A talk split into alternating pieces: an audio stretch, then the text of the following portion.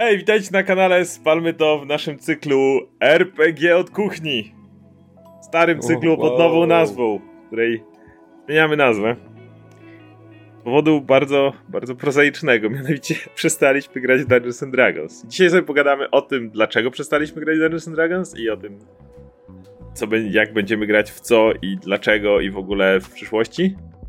E, natomiast e, możemy wyjść od tego, jakby dlaczego w ogóle nazywaliśmy ten cykl Dungeons and Dragons od kuchni. Mhm. Co to jest? To jest.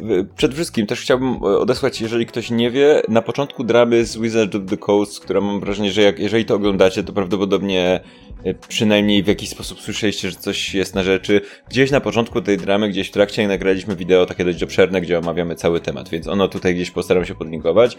Mm, jeżeli nie, to po prostu to jest poprzednie wideo w tym cyklu.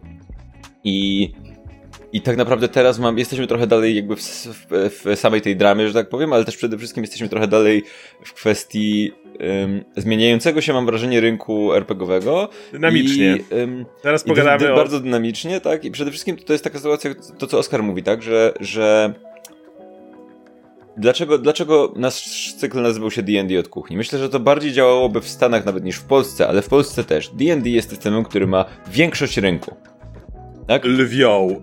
Lwią większość rynku, tak? I D&D jako marka jest czymś, co w ostatnim czasie dzięki, dzięki, nie wiem, Stranger Things, dzięki um, Critical Role, generalnie dzięki różnym rzeczom w popkulturze, D&D jako marka staje się bardzo rozpoznawalna i, i trochę w inny sposób rozpoznawalna niż RPG, ale dla wielu ludzi jest prawie nerdowe. synonimem się... RPG. Wielu tak, dla... mimo że to tak, dla wielu ludzi to jest synonim, ale też jest jakieś grono ludzi, które, dla których RPG to jest jakieś trochę bardziej nerdowe, a D&D to jest to takie cool, nie? Bo to grają mainstreamowe, no. Things, mainstream, bardziej mainstreamowe i tak dalej. Więc to, to ma zalety, więc od razu chcę to podkreślić na początku, tak? To nie jest tak, nie, nie, chcę, nie chcę, żeby to wyglądało tak, że patrz, dwóch nerdów się zorientowało, że są inne systemy niż ten najpopularniejszy. My jakby, my, my zawsze, zawsze wiedzieliśmy, że są mm, inne systemy, które są prawdopodobnie obiektywnie jako zaprojektowana gra lepsze. Yy, ale, ale, często one były A, albo bardzo mocno zakorzenione w bardzo konkretnej stylistyce, tak? Są Vampir, bardzo, Warhammer, tutaj, Wiedźmin. Przejdziemy do tego pewnie jeszcze później, ale my nie jesteśmy typem graczy. Wiem, że jest taki typ graczy. Znam wielu takich osób i to bardzo lubię takie osoby i rozumiem, że one to lubią. Nie jesteśmy typem graczy, który chce sięga po, po nowe systemy po to, żeby się ich uczyć, żeby je sprawdzać, żeby zobaczyć, kto jest w którym z nich po prostu, żeby grać w nie, tak? Są ludzie, którzy są, e, są jakby tak zajawieni graniem w nowe systemy, że mają swój ulubiony, ale sprawdzają nowy po to, żeby zobaczyć, co wymyślili twórcy. Jakby to jest jak sprawdzanie nowej gry po prostu. My szukaliśmy systemu, który będzie na tyle e, uniwersalny, ale jednocześnie popularny, dający nam pewien boost popularności naszemu kanałowi i tak dalej. Jakby oczywistym wyborem było D&D, tak? I to ma, miało i nadal ma swoje zalety w postaci liczby rzeczy do D&D, liczby narzędzi, które są do D&D, które, yy, które ludzie tworzą, bo po prostu system jest popularny. Tego, jak łatwo znaleźć pytanie, odpowiedź na jakiekolwiek pytanie dotyczące zasad, po prostu je googlając i znajdując milion miejsc, gdzie ktoś to już potwierdził, sprawdził, zweryfikował i tak dalej, i tak dalej. Jakby to wszystko są zalety, które nadal D&D miało, ale, ale w, o, z, z czasem, jak kiedy graliśmy, z czasem w ciągu ostatnich lat, sytuacja stopniowo się zmieniała i myślę, że to, co się teraz wydarzyło z Wizards of the Coast i to, że chyba, chyba jakby mam wrażenie, że to będzie w tytule tego wideo, że, że przechodzimy na Pathfindera. Mhm. Jakby jest efektem długiej, długiego procesu, tak? I przechodzimy na Pathfindera, który jest jednym z, chyba jakimś drugim najpopularniejszym systemem. Tak? Drugim, tak? a trzecim jest Starfinder. E, I przechodzimy na, ktoś by mógł powiedzieć, dlaczego przechodzimy na to, a nie na jakiś tam, jakiś tam mały, z tych samych powodów, dla których wybraliśmy D&D. Jest... Nadal chcemy mieć duży, uniwersalny system, gdzie jest w miarę dużo narzędzi, mniej niż w tym przypadku i tak dalej, ale nie chcemy sięgać po jakąś taką super, yy, nawet, nawet, nawet dobrą systemowo, ale małą rzecz, tak? Chcemy trochę, trochę jakby to jest wybór takiego czegoś, gdybyśmy mieli grać zawsze w jeden system i możliwie go nie zmieniać, to dlaczego w ten? Więc jakby chciałbym od razu tutaj powiedzieć, że jasne, na pewno znajdują się osoby, które chciałyby teraz napisać komentarz, ale dlaczego nie zagracie w jakimś tam system jednokartkowy albo w jakiś tam system, jakby y, y, w jakiś tam mniejszy, jakąś tam niezależny i tak dalej, bardziej niezależny jeszcze. Y, jak, jakby, ja, jak zdarza mi się grywać w takie systemy, tak? To nie tak, że kompletnie jesteśmy od nich odcięci, ale trochę patrzymy na to pod kątem takim jak, okej, okay, nie jesteście RPGowcami, którzy grają od lat, testują nowe systemy, chodzą do klubów i tak dalej. Jesteście grupą znajomych, którzy chcą w coś zagrać. I nie chcą tych nowych systemów zmieniać, uczyć się i tak dalej, i tak dalej. To bardziej w tym, w tym segmencie rozmawiamy, nie? Istotne jest też tutaj to, że no, robimy na przykład swój własny świat. Mieliśmy o tym e, materiał, możecie zobaczyć live o projekcie Blask nie mamy ani umiejętności, ani kompetencji, ani ambicji, żeby tworzyć własny system pod niego. Natomiast chcemy mieć system, który będzie tyle uniwersalny, że jeżeli przeniesiemy go do innego świata, w tym wypadku dalej świata fantasy, ale nie mógłbym na przykład w swoim świecie umieścić systemu wampira. Wampir ma konkretne założenia, są tam magowie, wilkołaki, jakaś inkwizycja i wampiry. Jakby ten hmm. świat kręci się wokół konfliktu tych różnych ras. Ras, gatunków istot. E, w każdym razie Warhammer jest bardzo mocno osadzony w Starym Świecie, tak? I, i ewentualnie eksploracji nowego świata i tak dalej. Generalnie Imperium, e, chaos, te sprawy, to wszystko jest DNA tego systemu, nie? Jakby w D&D tego nie było i ja byłem mhm. też, ja grałem w D&D, kiedy wyszła edycja 3,5. Jeszcze gdzieś nawet za mną tam z tyłu stoją moje stare podręczniki do edycji 3,5, więc to też mi był mi bardzo bliski system. To nie tak, że wiecie, sięgnąłem tylko dlatego, że jest super popularny i tyle. To, to była piąta edycja do czegoś, co grałem, na, czego grałem najwięcej, będąc na przykład w liceum. Jakby grałem, prowadziłem sesję Vampira w liceum, prowadziłem sesję Warhammera, ale D&D było zawsze dla mnie tym najbardziej, 3,5 edycja, tym najbardziej no tym, na którym najwięcej czasu poświęcałem systemie. OG.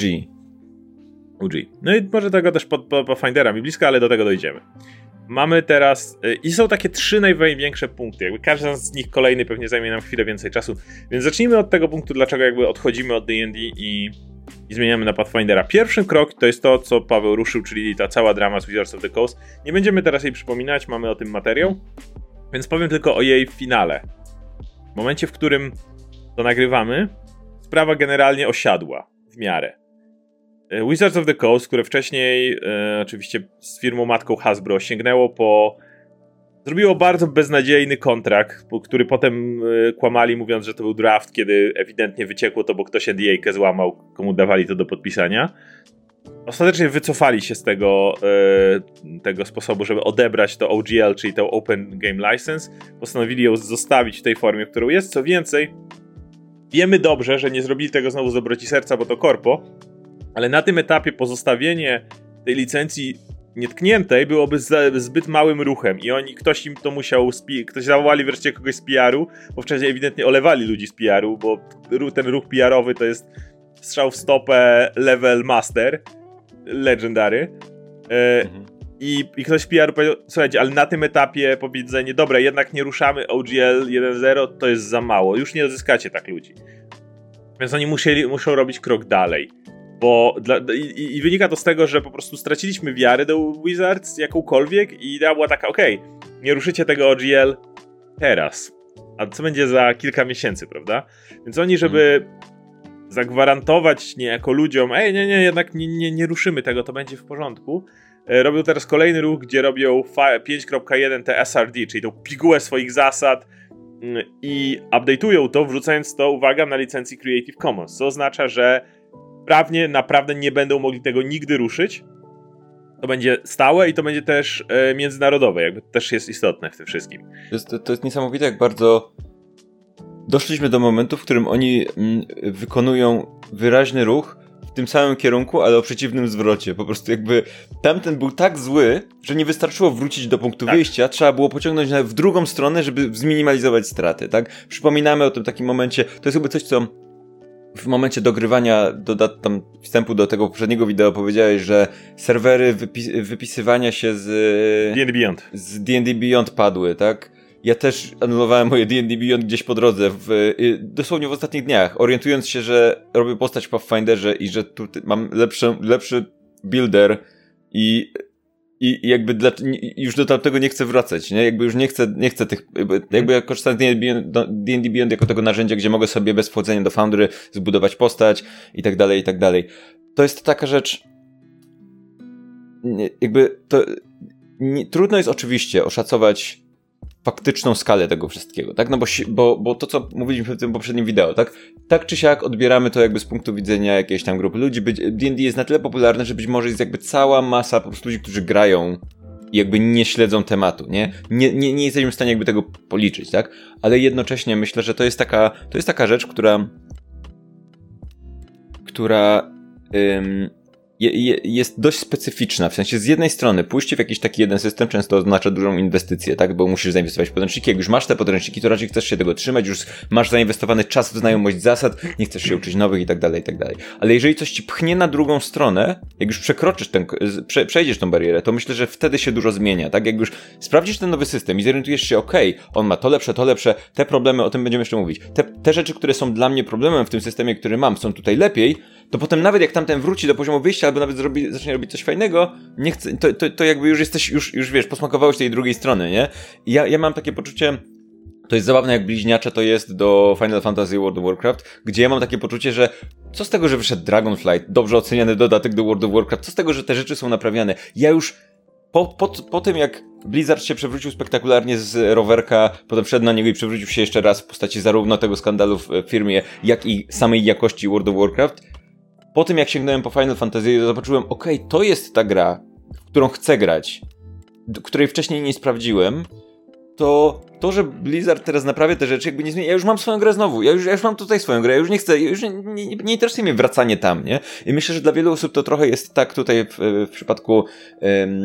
Myślę, że nawet może konkretnie Pathfindera w dużej części, ale myślę, że jest dużo ludzi, którzy jakby w tamtym momencie zaczęli się rozglądać, sprawdzili trochę z konieczności, niechętnie sprawdzili nowy system, ale jak już, już sprawdzili, to stwierdzili, okej, okej, okay, dobra, to może jednak, może jednak zostaniemy tutaj, nie? Druga edycja Pathfindera jest bliźniaczym systemem do Dungeons and Dragons i będziemy o niej gadać więcej za chwilę, ale wcześniej jakby powiedzieć o tym, co mówiłeś. E, tak, nie wiemy nigdy, jaka tego będzie, nie wiemy, jaka tego będzie skala, ale po pierwsze, jakby nie jebnęło, to oni nie zrobiliby tego Acerti 5.1. E, jakby te subskrypcje nie wylatywały w ten sposób. Paizo, czyli firma, która stworzyła Pathfindera, no, zareportowali, że w ciągu dwóch tygodni sprzedali ilość podręczników za 8 miesięcy. Ludzie tak się na to rzucili. I to nie jest e, jakiś tam, wiecie, ich e, marketingowy trik, bo różni content creatorzy z D&D, którzy też stwierdzili, trzeba sięgnąć po coś, co jest podobne, bo nie chcemy nagle przeskakiwać nie wiadomo gdzie, ale, ale jednak nie jest D&D, mówili, że często szli do swojego lokalnego sklepu i nie było już podręczników do Pathfindera, tych core, core rulebooks. Więc, e, więc na pewno drgnęło. Nawet jeśli to nie było, nie będzie spektakularne, nawet jeśli masa ludzi na przykład odetchnęła z ulgą, widząc to SRD 5.1 e, w Creative Commons i wiedząc, że ich na przykład firmy, które robili e, nie, nie, nie, będą zagrożone w żaden sposób, to wiemy na przykład o tym, że Cobalt Press, jedna z największych grup, która robiła content do D&D, nie tylko robi swój własny system, ale ten org Open RPG coś tam, nie pamiętam jakie były dokładnie rozwinięcie tego akronimu, to dalej powstaje. Paizo to dalej robi i tam, nie wiem, oni no, zanotowali, że z 1200 w sumie twórców i firm, które tworzyły content się jakby pod to podpisało. Jakby to nie jest tak, że wszyscy to tylko pomachali Wizards są przed nosem, żeby powiedzieć zrobimy to jeśli, tylko nie, to była już decyzja ostatnia, robimy to. Cobalt Press robi, hmm. mówi, swój własny system, tam jakoś go Black Flag, czy jakoś tam inaczej nazywają. Więc e, jakby to, to, to, to ruszyło. I po raz kolejny, jasne, wycofali się z tego, a nawet poszli krok dalej, właściwie gwarantując ludziom, że będą mieli zawsze dostęp do pewnej części zasad. Mało tego, w tym SRD1 do Creative Commons trafiły wreszcie, wreszcie takie terminy jak Beholder, Mindflayer, super popularne stwory ze świata D&D, których nigdy nie można było użyć w tej formie, w sensie nazwa Beholder nie należy do D&D, ale nazwa Beholder w kontekście kuli z okiem, z czułkami, z oczyma, która lata, była ich i jeżeli chciałeś tego użyć w swoim mhm. systemie, to nie mogłeś tego zrobić. Tak samo Mind Flayer, wiecie, te istoty, które mają macki na, na, na twarzy i wysysają mózgi. Mało tego, co jest dla nas wyjątkowo zabawne i bliskie, do y, również na, na, na liście tych masz, or, masz tak, slady, beholdery, Mindflayera i jedną konkretną postać. Jedną konkretną postać, która trafiła do Creative Commons, właśnie do tej licencji, niejaki pan hrabia wampirzy Count Strad von Zarowicz. Jeżeli ktoś teraz chciałby zrobić film Miłość Strada na przykład i po prostu dopisałby tylko, że to jest na, związane z tą licencją, nic by go nie zatrzymało. Mógłby na tym zarabiać. Mógłby zrobić grę Pragnienie Strada, mógłby zrobić nowelę... Yy, wiesz, romantyczne, y, jakieś tam, zrobić 365 dni strada, wszystko co chcesz. Strada totalnie, wszystko co chcesz. To, to, jest zaskakująco y, rozsądny pomysł, jakby zaskakująco. Tak. Strad porywa Irinę na, na 365 dni, o tak, nie, tak, teraz tak. już nie zniszczyłeś już ty. Tak, o tym, dokładnie o tym powiedziałem, więc generalnie y, strat jest teraz do, do używania. więc to jest Nadal zabawne. prawdopodobnie y, y, Dracula jest popularniejszy, to trochę brzmi jak taki, wiesz, taki PR-owy move trochę. Zobacz, nawet Strada, Strada wam daliście, Tak. ale Strad to Dracula, nie? Więc, Tak. Który jest w domenie który jest publicznej. na publicznej, więc tak. Natomiast dla- więc dlaczego cały czas to jest, to jest rzecz, którą, która i tak dalej jakby jest tutaj na tej liście? Dlatego, że Hasbro się nie zmieniło. To nie jest tak, że nagle w Hasbro uznali, ach, niech mają, ach, te cholerne dzieciaki, udałoby nam się, gdyby nie oni, nie? E, Ktoś miał Change of Heart i tak miał faktycznie. Zrobiliśmy źle. Tam Tak, tak, na 100% Hasbro, tak się stało, nie? Pan Jakby- Hasbro. No. Dalej jest ten problem, w którym Hasbro widzi Magic the Gathering, ma Wizards of the Coast i widzą Magic of the Gathering, które przy, potrafi przynieść miliard rocznie. Czy wiadomo, sprzedajecie loot, loot, lootboxy live, jakby nie patrzeć. I, me, i D&D, które potrafi przynieść 150 milionów rocznie. I cały czas Hasbro mają e, nastawienie, trzeba z tym coś zrobić. Okej, nie udało się w ten sposób. Może jak wyjdzie One D&D, to może nagle stwierdzą, ej, zróbcie, opóźnimy te One D&D, ale zróbcie, żeby było bardzo inne niż piąta edycja. I wtedy do niego zróbmy OGL 2.0. Tylko do, do tej edycji, prawda? Bo, bo wiadomo, do, obecnie to nie miałoby sensu, jest zbyt podobne. Ale może mają pomysł na to, żeby je tak zmienić i do niej konkretnej tych zasad nie mógłbyś ruszać, nie? Jakby tamte sobie macie, ale my tutaj mamy nasz produkt i będziemy go super promować i zobaczy, i wtedy zobaczymy, co wtedy, nie? Jakby, jakby to, to już nie miałoby takiego backlashu. Bo nie odebrałoby ludziom tego, co robili. Ludzie mogli powiedzieć, zostajemy przy tym, co robimy. Myślę, że jakby myślę, że to nie miałoby takiego backlashu, gdyby nie ten pierwszy backlash, ale myślę, że po tym pierwszym backlashu tamten backlash będzie, może być równie Może, duży, ale- ale- ale- jakby, wiesz, Są ukryte jakie, jakieś rzeczy. Wiesz, ten wirtualny stół, który cholera wie, jak będzie działał i tak dalej. Cały czas jest tam przeświadczenie, że D&D jest niedomonetyzowaną marką. Ej, Mhm. robicie film, serial, wiecie, moglibyście monetyzować tą markę, więc markę, ale nieważne. No więc y, to tak tylko taka rzecz. Natomiast y, myślę, że mamy tak, że po prostu zaufanie jakiekolwiek do tego, że za chwilę coś nowego się nie odjebie, że jakby okej, tutaj im się nie udało, nie, nie weszli drzwiami, no to spróbują oknem, no to pozostało. I na tą chwilę ja miałem taki moment, w którym uznałem, że okej, jakby nie chcę nikomu mówić, co ma grać. Jeżeli macie te podręczniki, jesteście w to zainwestowani, gracie znajomymi swoje kampanie, super, grajcie dalej. To są wasze kampanie, to jest wasza wyobraźnia. Wizards kinda chciał zmonetyzować waszą wyobraźnię, ale y, trochę nie wyszło. Y, I to jest wasze. Natomiast my mamy kanał y, z skromną publiką, ale jednak idącą w tysiące. I mimo wszystko, grając, promujemy D&D. Szczególnie w Polsce, w którym to nie jest tak popularny system jak w Stanach. W Stanach tam kropla w morzu. W Polsce nie aż tak, więc mimo wszystko w momencie, w którym dalej gralibyśmy w Dungeons and Dragons, mielibyśmy takie dalej, okej, to jest super system, grajcie w niego dalej, to jest super firma i w ogóle. Kiedy trochę nie mam ochoty tego robić. Więc to Mhm. jest tak pierwszy ten punkt. Czyli nie wiem, czy masz coś jeszcze do dodania do pierwszego punktu. Wiesz co, wydaje mi się, że tutaj ważne w tym kontekście jest takie też powiedzmy nastawienie do pewnych rzeczy firmy i to jest trochę, to jakby to co mówię teraz jest trochę segwayem pomiędzy naszym pierwszym a drugim punktem, dlatego że myślę, że w, y, w dużym stopniu to zostało pokazane teraz, że jak masz tą taką firmę, markę, ktokolwiek, co, co ma większość rynku, to często ta firma podejmuje decyzje, jakby nie, nie musi podejmować decyzji w kontekście jakby tu zdobyć więcej rynku, jakby tu znaleźć nowych klientów, tak? Twórcy Pathfindera ewidentnie mają tak, mają takie, ok, co możemy zrobić lepiej niż Wizards, żeby ludzie po nas sięgnęli, mimo że jesteśmy mniej popularni. Bo Wiemy, jesteśmy na straconej pozycji niemalże, tak? Jesteśmy tym, który musi zdobyć coś. Wizards jest na pozycji zwycięzcy, kogoś, kto ma dużo, więc ma, więc ich vibe to jest nie jak zrobić to, żeby ludzie s- w sensie ma, ma, ma, mają też vibe, jak zrobić ludzie, żeby z Pathfindera, Pathfinderowi, do, do, Pathfinderowi dokopać, tak? Ale, ale to jest raczej siły, z pozycji siły to robią, tak? Wydojmy I... to, co mamy.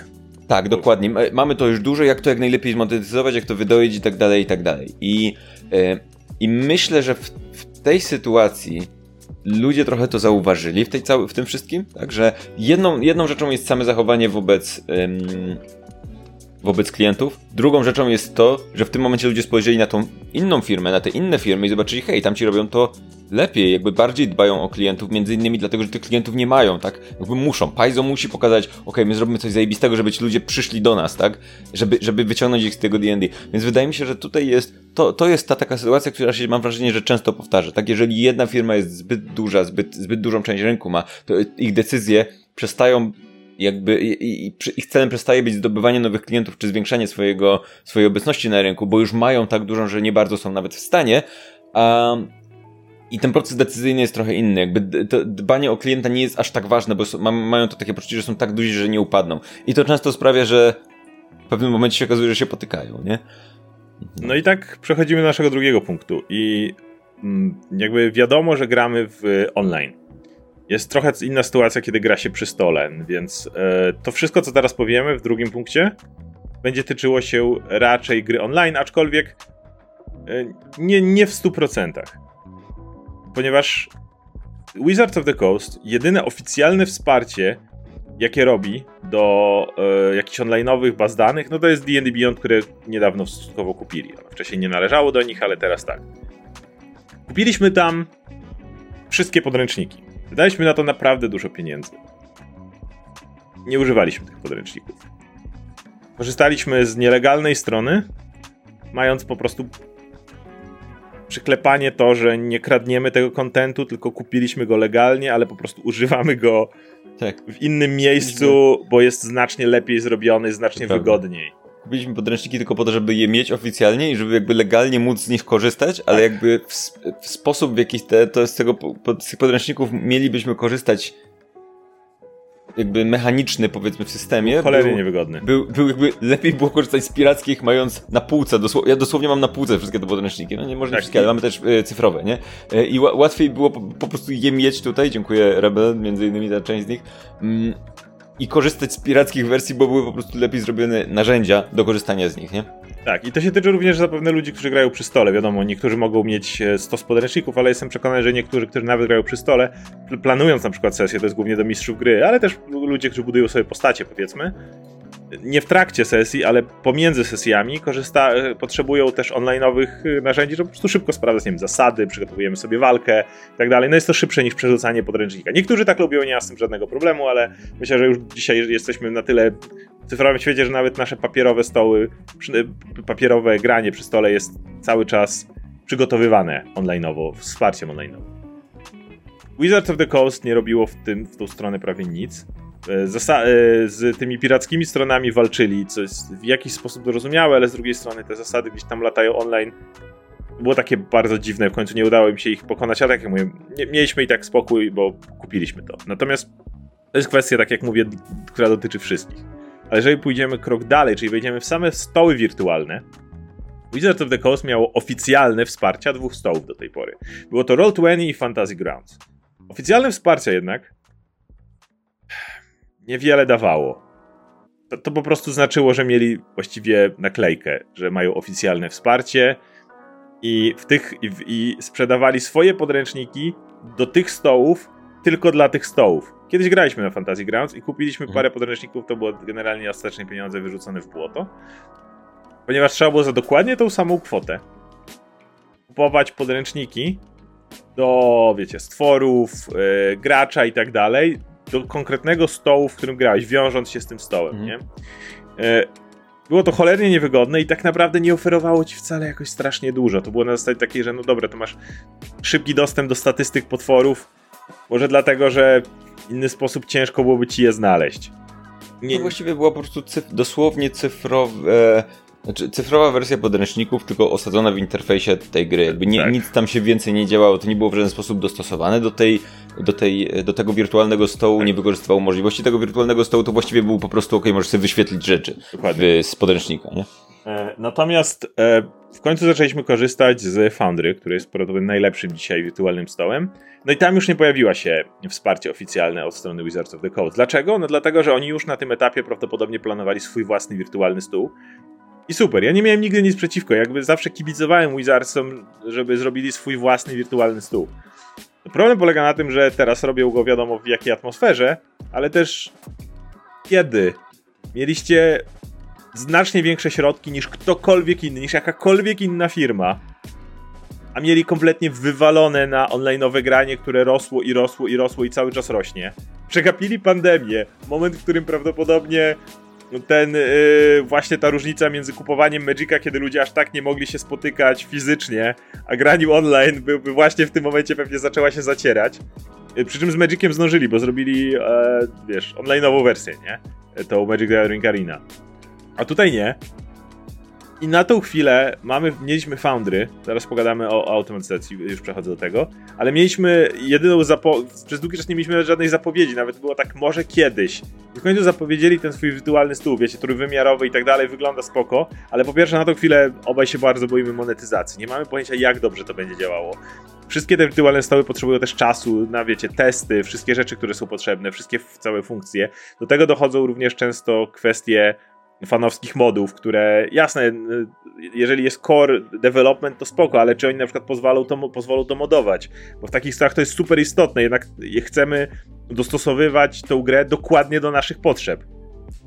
E, plus, cholera wie, kiedy to wyjdzie. To jest 2024 mhm. być może. Czy po tych kontrowersjach teraz to będzie 2025, czy to będzie wersja beta, jakby nic nie wiemy. A, a, a rynek do dziś nie oferuje żadnych naprawdę porządnych, oficjalnie wspieranych narzędzi przez Wizards of the Coast do tego, żeby grać online'owo w Dungeons and Dragons. Wiesz co, yy, ja y, nie wierzę w ten wirtualny stół, w sensie wierzę w jego istnienie, ale to jest, to jest ten etap, w którym nawet jeżeli pominiemy kwestię monetyzacji i niemonetyzacji, nawet jeżeli założymy najbardziej optymistyczną, czy nie wiem, yy, po prostu masz podręczniki kupione, to masz wszystko, albo, albo nie wiem, jakiś abonament, whatever, nie, nie ma znaczenia. D&D Beyond istnieje od lat y, i nie, nie należało do, do, Wizards od lat. To nie należało do Wizards od lat, to prawda, ale, jakby, ale zakładam, że jakby Wizards ich kupiło między innymi dlatego, żeby, żeby jakby w oparciu o to budować. To ma być D&D, ten stół to ma być stół D&D. Beyond, więc zakładam, że go rozwijają dalej. Nie wiem dokładnie jak tam wyglądało kwestia tego, czy kto to właściwie programował, czy oni D&D Beyond kupili razem z teamem programistów, który to robił, nie mam pojęcia, tak?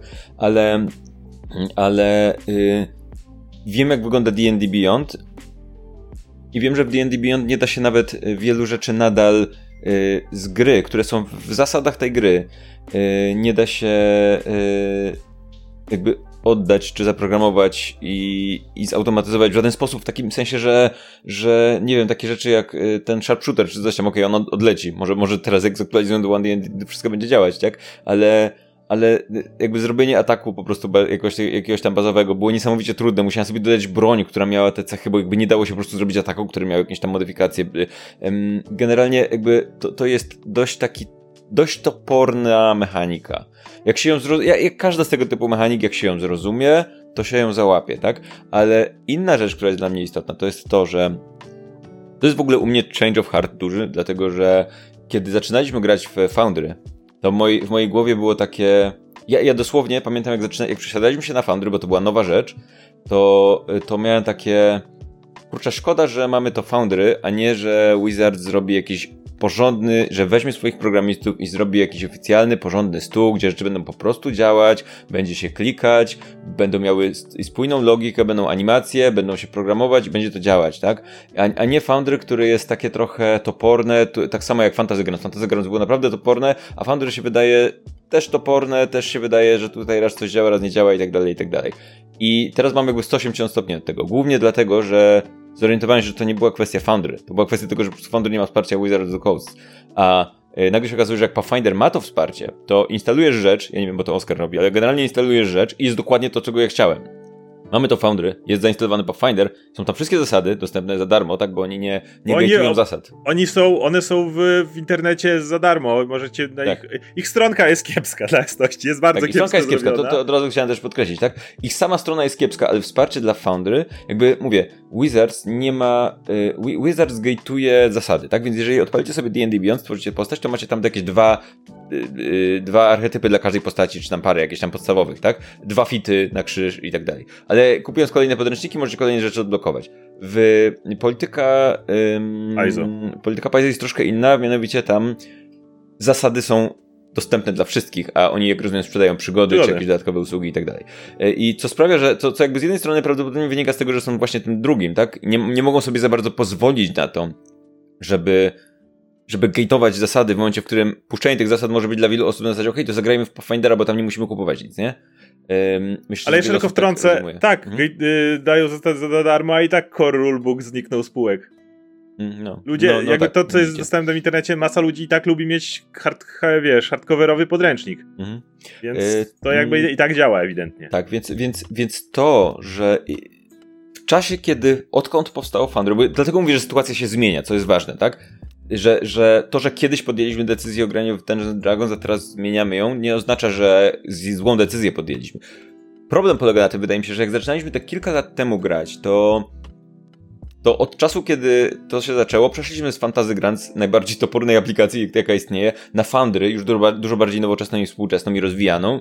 Ym, Po czym do tego Foundry zdążyło wyjść i rozwijać się wsparcie do Pathfindera, które jest po prostu takie, że jest po prostu takie, instalujecie wsparcie, rzeczy działają, są opisy, klik, klikasz rzecz, masz opis jak z podręcznika i przeciągasz na swoją postać efekt i ten efekt działa, ma animację i daje to, co daje. Nie wszystko jest w 100% zaprogramowane, niektóre efekty jeszcze nie są, ale są rzeczy, które oni mają zamiar dodać, a in przynajmniej... development, nie? Jakby Tak, to jest in development, a, przy, a, a przynajmniej jakby na tyle dużo jest zrobionych, jest zrobionych w spójnej logice, że, że to działa po prostu, tak? I widać, że ktoś o, to, o tym pomyślał, tak? Bo tam na przykład jest taka, e, w, jeżeli chodzi o samo wsparcie, taka filozofia, którą, która na początku mnie zaskoczyła, że to, że to w jakiś sposób wymyśliłem, mianowicie mm, w, w, jeżeli gracie w, na wirtualnym stole w Pathfindera, to, to założenie jest takie, że każdy zarządza swoją kartą postaci, tak? Czyli jeżeli pojawią się obrażenia w grze, to ja je muszę sobie przypisać, bo jeżeli, a nie, nawet jeżeli ja je zadałem na przykład, tak? Ja przypisuję tylko sobie, odbieram tylko sobie, wybier, rzucam tylko za siebie. Jeżeli zadam obrażenia potworkowi, to te obrażenia przypisuję mistrz gry. Jeżeli jest zadam jeden to guzik dla koledze-. Tak, to jest jeden guzik, to jakby to nie, nie jest ten. Generalnie to jest, to, i to, to jest, to jest tyle wygodne, że kiedy graliśmy w D&D, to zawsze, to ponieważ to było klejone na ślinę i część rzeczy robili jedni ludzie, część inni, no bo to wsparcie nie istniało oficjalne, no to często ta logika była różna, tak? I raz było tak, że, że czar zadawał obrażenia ode mnie, raz było tak, że musiałem kliknąć wylecz, żeby wyleczyć, czasem tak, czasem nie, generalnie logika była różna. Tutaj jakby to oficjalne wsparcie daje poczucie, że to zawsze działa tak samo, daje pewną spójność, nadal wymaga jakiegoś tam przyzwyczajenia się i nauczenia, ale jak już się nauczysz, to widzisz, że w tym jest jakaś logika, tak? W tym czasie, jeżeli chodzi o wsparcie D&D, największego systemu y, Wizards, tak, do, dla Foundry, jakby nie zdarzyło się nic. Więc jakby jesteśmy w miejscu, minęły tam, ile, ile nie wiem ile lat minęło od Foundry, od powstania Foundry. E, już chyba dwa lata. pół roku gramy. Foundry w, w mgłach, czyli to musiało być więcej. Na początku chyba jeszcze graliśmy Foundry, coś- zac- zaczynaliśmy mgły w Fantasy Grounds, więc okay. Okej, Foundry około okej, dwa dobra. lata. Czyli gdzieś koło dwóch lat. W ciągu tych dwóch lat mamy. Foundry się rozwija, wsparcie Pathfindera dla Foundry się rozwija, Wizards zapowiedziało stół 3D. I więc, więc jakby z czasem to jest sytuacja jest coraz gorsza dla, dla Wizards, nie? Jakby z Ja tutaj dodam swoją perspektywę jako mistrza gry. Ogólnie mam największy szacunek do ludzi, którzy robili moduły do D&D 5 edycji. Mieliśmy z Pawłem nawet materiał, gdzie ja pokazywałem te moduły i opowiadałem, co one robią. E, szczególnie T-Posney, czyli e, twórca MIDI QOL, czyli tak naprawdę największej automatyzacji do Dungeons and Dragons, która daje wam jakąkolwiek automatyzację tak naprawdę, ale, ale no te wszystkie rzeczy, jakieś e, liczenia, nie wiem, covery, masa czy efekty, które łatwo, w miarę łatwo stworzyć i tak dalej. Mam największy szacunek do gościa. Zresztą to jest też gość, do którego nieraz mogłem napisać, coś mu zasugerować, o coś go zapytać, on pewne rzeczy uwzględniał i tak dalej. To jest gość, który jest bardzo otwarty na, na, na sugestie i tak dalej. Jest jeden człowiek, który robi to w wolnym czasie. To jest. E, i- I problem jest taki, że są inni ludzie, którzy robią inne elementy, ale każdy ma inną logikę programowania. To nie jest team programistów. To jest ka- ka- programowania, ale przede wszystkim jakby projektowania tych projektowania, rzeczy. Tak? Na jakiej tak. zasadzie to ma działać? Jakby gdzie, czy to ty przypisujesz, czy to ktoś, czy to ma opis, czy nie ma opisu. I w momencie... To sprawia, że musisz cały czas mieć to w głowie i musisz zapamiętać, jak działają te rzeczy, więc nie możesz się skupić na graniu i na tym, że ta automatyzacja działa po prostu, tylko jakby musisz wiedzieć, jak ta automatyzacja działa, żeby z niej korzystać. To jest. Tak, tak, tak. I, i, i, i przez to niestety, ale jeżeli chcemy pewne elementy dodać do tego stołu, to problem polegał na tym, że musiałem korzystać z różnych modułów robionych przez różnych ludzi. One mogły nawet koegzystować, ale tak jak Paweł mówi, miały, mogły mieć zupełnie inną logikę. Przez to uczenie się za każdym razem, co jak działa, było kłopotliwe. E, no siłą rzeczy nie było żadnego, żadnego teamu, który by to jakkolwiek sposób tworzył, więc e, jeżeli pojawił się nowy czar, to ja musiałem usiąść i teraz powiem trochę o, o swoim doświadczeniu i zobaczyć, czy jestem w stanie go w jakiś łat, łatwy sposób zrobić, wiecie, żeby gracz mógł po prostu kliknąć, nie wiem, nacisnąć kostkę, rzucić kostką, łatwo policzyło obrażenia i je przypisać. Jakby wydaje się to, to coś, co powinno być prostego, nie? Czy efekt, który gracz na siebie dodaje i mu modyfikuje statystyki, jakieś proste rzeczy, które, które działają. I ilo, ja poświęciłem ciągu tych dwóch lat kupę czasu. Ja pamiętam zerwane wieczory, zerwane nocki, kiedy jeszcze jeden nasz kolega, który zna się ode mnie dużo lepiej na e, JavaScriptie, który, który, z którym pisaliśmy najróżniejsze rzeczy, które nie były w ogóle zautomatyzowane. Trzeba usiąść e, i napisać coś, skrypt konkretny, makro do tego, żeby to zaczęło działać, żeby gracz nie musiał wykonywać całej masy czynności i tak dalej. Jakby to nie jest problem, żeby gracz to zrobił, ale w momencie chodziło o to, żeby nam to jak najbardziej uspójnić, żeby nie było tak, żeby gracz, który siada do stołu, myślał o tym, dobra, tu kliknę i się dzieje, a tu muszę wykonać cztery rzuty, a tu coś tam, więc staraliśmy się pisać do tego makra, żeby to działało. I ilość czasu, który mi to zajęło, była horrendalna. Do tego potem dochodził fakt, kiedy robiłem jakiekolwiek homebrew, nie? Chciałem dać graczom coś od siebie, jakiś przedmiot, który, który działał, Znowu musiałem go pisać. Później jak doszliśmy do wniosku, jak pogadamy o tym w trzecim naszym segmencie, ale na przykład jak nudni są przeciwnicy piątej edycji i zacząłem dodawać elementy z czwartej edycji e, albo z fajnego podręcznika, który, który powstaje do piątej, zobaczymy jak zostanie skończony Flea Mortals, który Matkowi robi. E, wszystkie ich umiejętności tych przeciwników musiałem ręcznie dopisywać, dlatego że spamiętanie takich, wiecie, niby prostych rzeczy, ale że coś ma atak jakiś konkretny, byłoby trudne, nawet, a w, tutaj w, nawet nie mogłem dodać na przykład, żeby, żeby kiedy on atakuje, to żeby wyskakiwał chociaż jakiś pop-up, który by mi przypominał, nawet jeżeli to nie byłoby automatyczne. Ale pamiętaj, ten gość ma sneak attack w momencie, w którym coś tam, nie? Jakby atak ukradkowy w, te, w tym i tym momencie. Więc musiałem to automatyzować, bo inaczej bym o tym po prostu zapomniał w czasie walki, nie? Jakby nie to nie jest stół, gdzie mogę mieć karty potworów pod ręką. Jakby mogę, ale to, to jakby nie po to gram też przy wirtualnym stole. I ilość czasu, którą władowałem w ten stół, była absolutnie przeogromna. Często przed każdą sesją siadałem i musiałem rzeczy sprawdzać. Co gorsza, kiedy mieliśmy na przykład przerwy od sesji, a ja przygotowałem nim jakąś walkę, która miała się wydarzyć i powiedzmy nie graliśmy przez 2-3 tygodnie z jakiegoś powodu, ja czasami zapominałem dosłownie, które rzeczy działają, które musi, mogłem zrobić, wiecie, dookoła, a które jakoś tam inaczej w czasie walki to się zmieniało. Co więcej, za każdym razem, kiedy update'owane było Foundry, update'owany był system 5 if Foundry i update'owany był jakikolwiek moduł, szansa, że coś po drodze gdzieś, wiecie, jak to się mówi, kabelki nie spięły, była duża.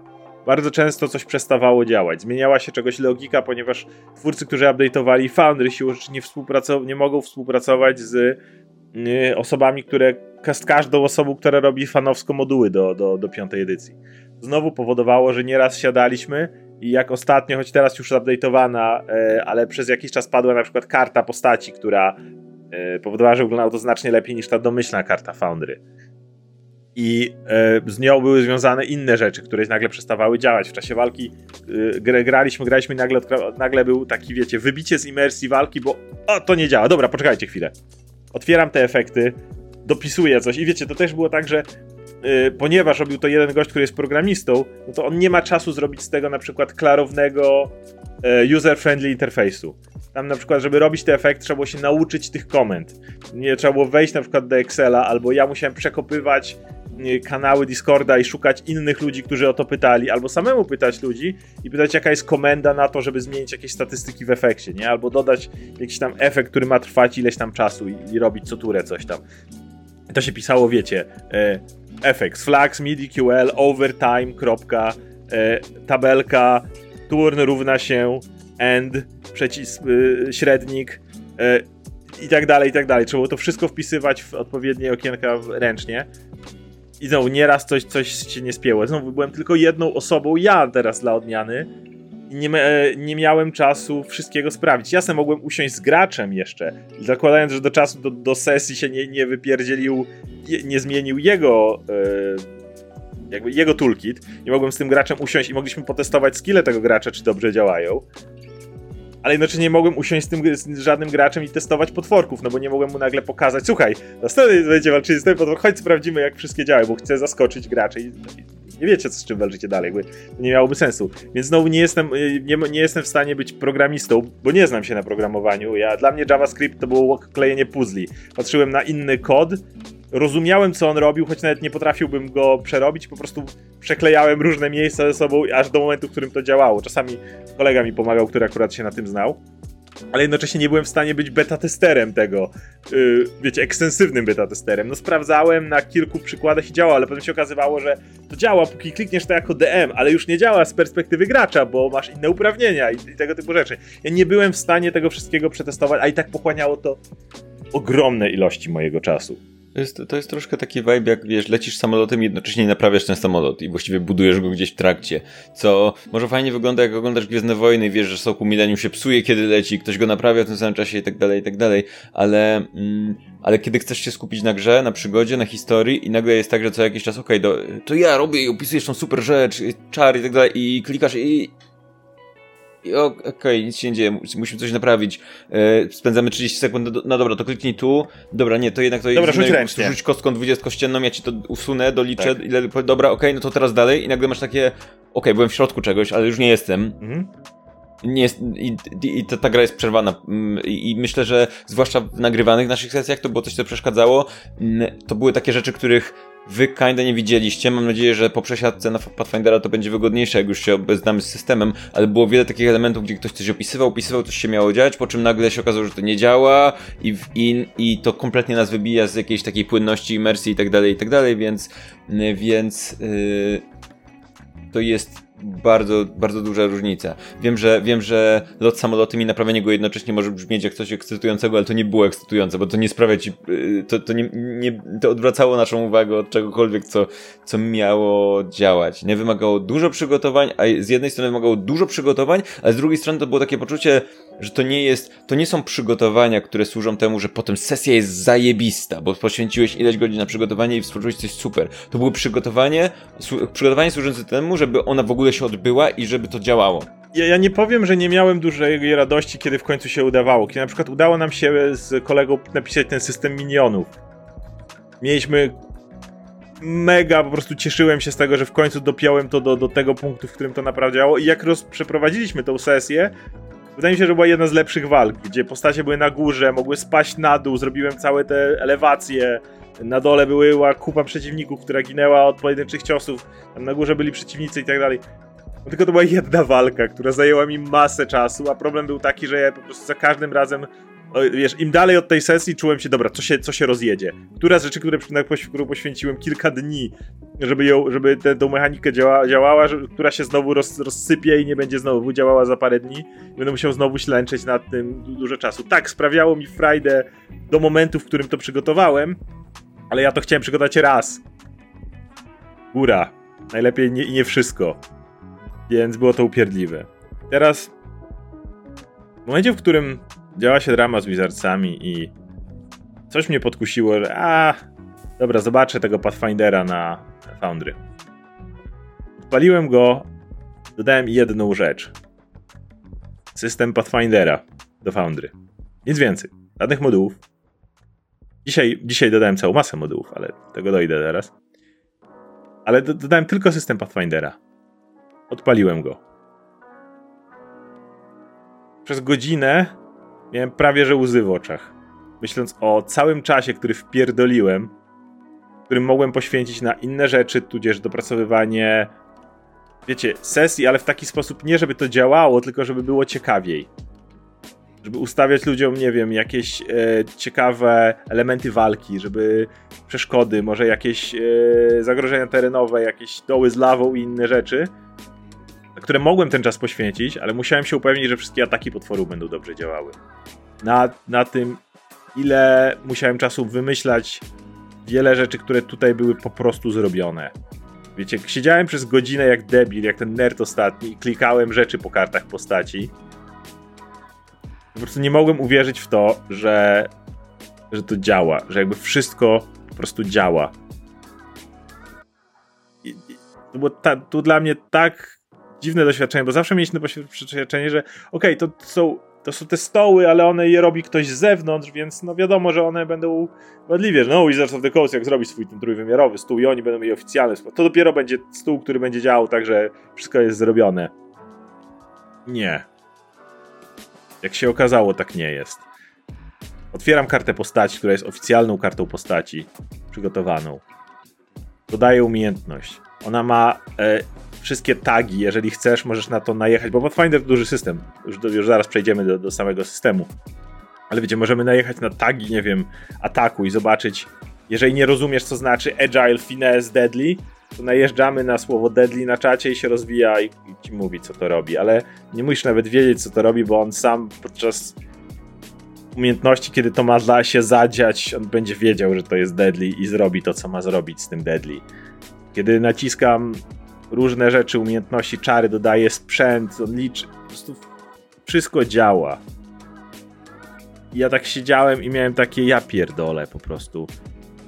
To był moment, w którym wiedziałem, że już długo nie dam rady grać Dungeons and Dragons. To był, to, to był dla mnie ten moment przełomowy, bo potem do, doszły elementy ze sprawdzaniem systemu i inne rzeczy, ale dla mnie to był ten moment, w którym stwierdziłem, jeżeli ten system, bo jeszcze nie miałem pojęcia o systemie, jakby nie miałem nawet pojęcia, Wiedziałem, że jest podobny do Dungeons Dragons, szczególnie do mojej kocha ukochanej edycji 3,5, bo on jakby z tej gałęzi gdzieś tam wyszedł.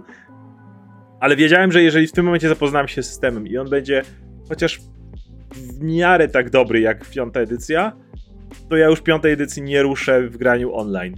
Bo, bo nagle popatrzyłem na stół, na którym przygotowanie sesji zajmie mi 95% czasu przygotowania faktycznej sesji, a może 5% z upewnieniem się, że coś tam chcę e- ekstra. Do... I to tak, to, to w zasadzie nie, że automatyzować coś, co jest, ale może ja coś ekstra będę chciał dorzucić do tego, nie? Mhm. E... To jest, ja, ja zupełnie rozumiem to o tyle, że mm, mam takie poczucie i to jest poczucie, które myślę, że mocno wpływało też na naszą jakość grania z chłopakami tutaj na Spalmy to. To jest to, że że automatyzacja D&D w Foundry polegała na tym, że jeżeli dobrze znasz system w swojej głowie, to rozumiesz to, jak to jest zautomatyzowane, tak? Ale musisz znać ten system, bo ta automatyzacja w żaden sposób ci nie pomaga go ani poznać, ani opisać. Generalnie musisz dobrze wiedzieć, co się właśnie zdarzyło i co zostało zautomatyzowane, bo w innym wypadku to po prostu rzeczy się dzieją na ekranie, kostki latają jakieś wyniki, ale właściwie nie wiesz, co jest do czego, tak? Mm, I w pewnym momencie, to mamy o tym osobny materiał, zaczęliśmy się trosz, trosz, troszkę z części tych rzeczy wycofywać, tych automatyzacji, dlatego że wcześniej było tak, że mieliśmy taki moment, gdzie to było po prostu klikasz atak i, do, i gra roluje, patrzy czy e, trafiło i atakuje i wy, wyświetla obrażenia, tak?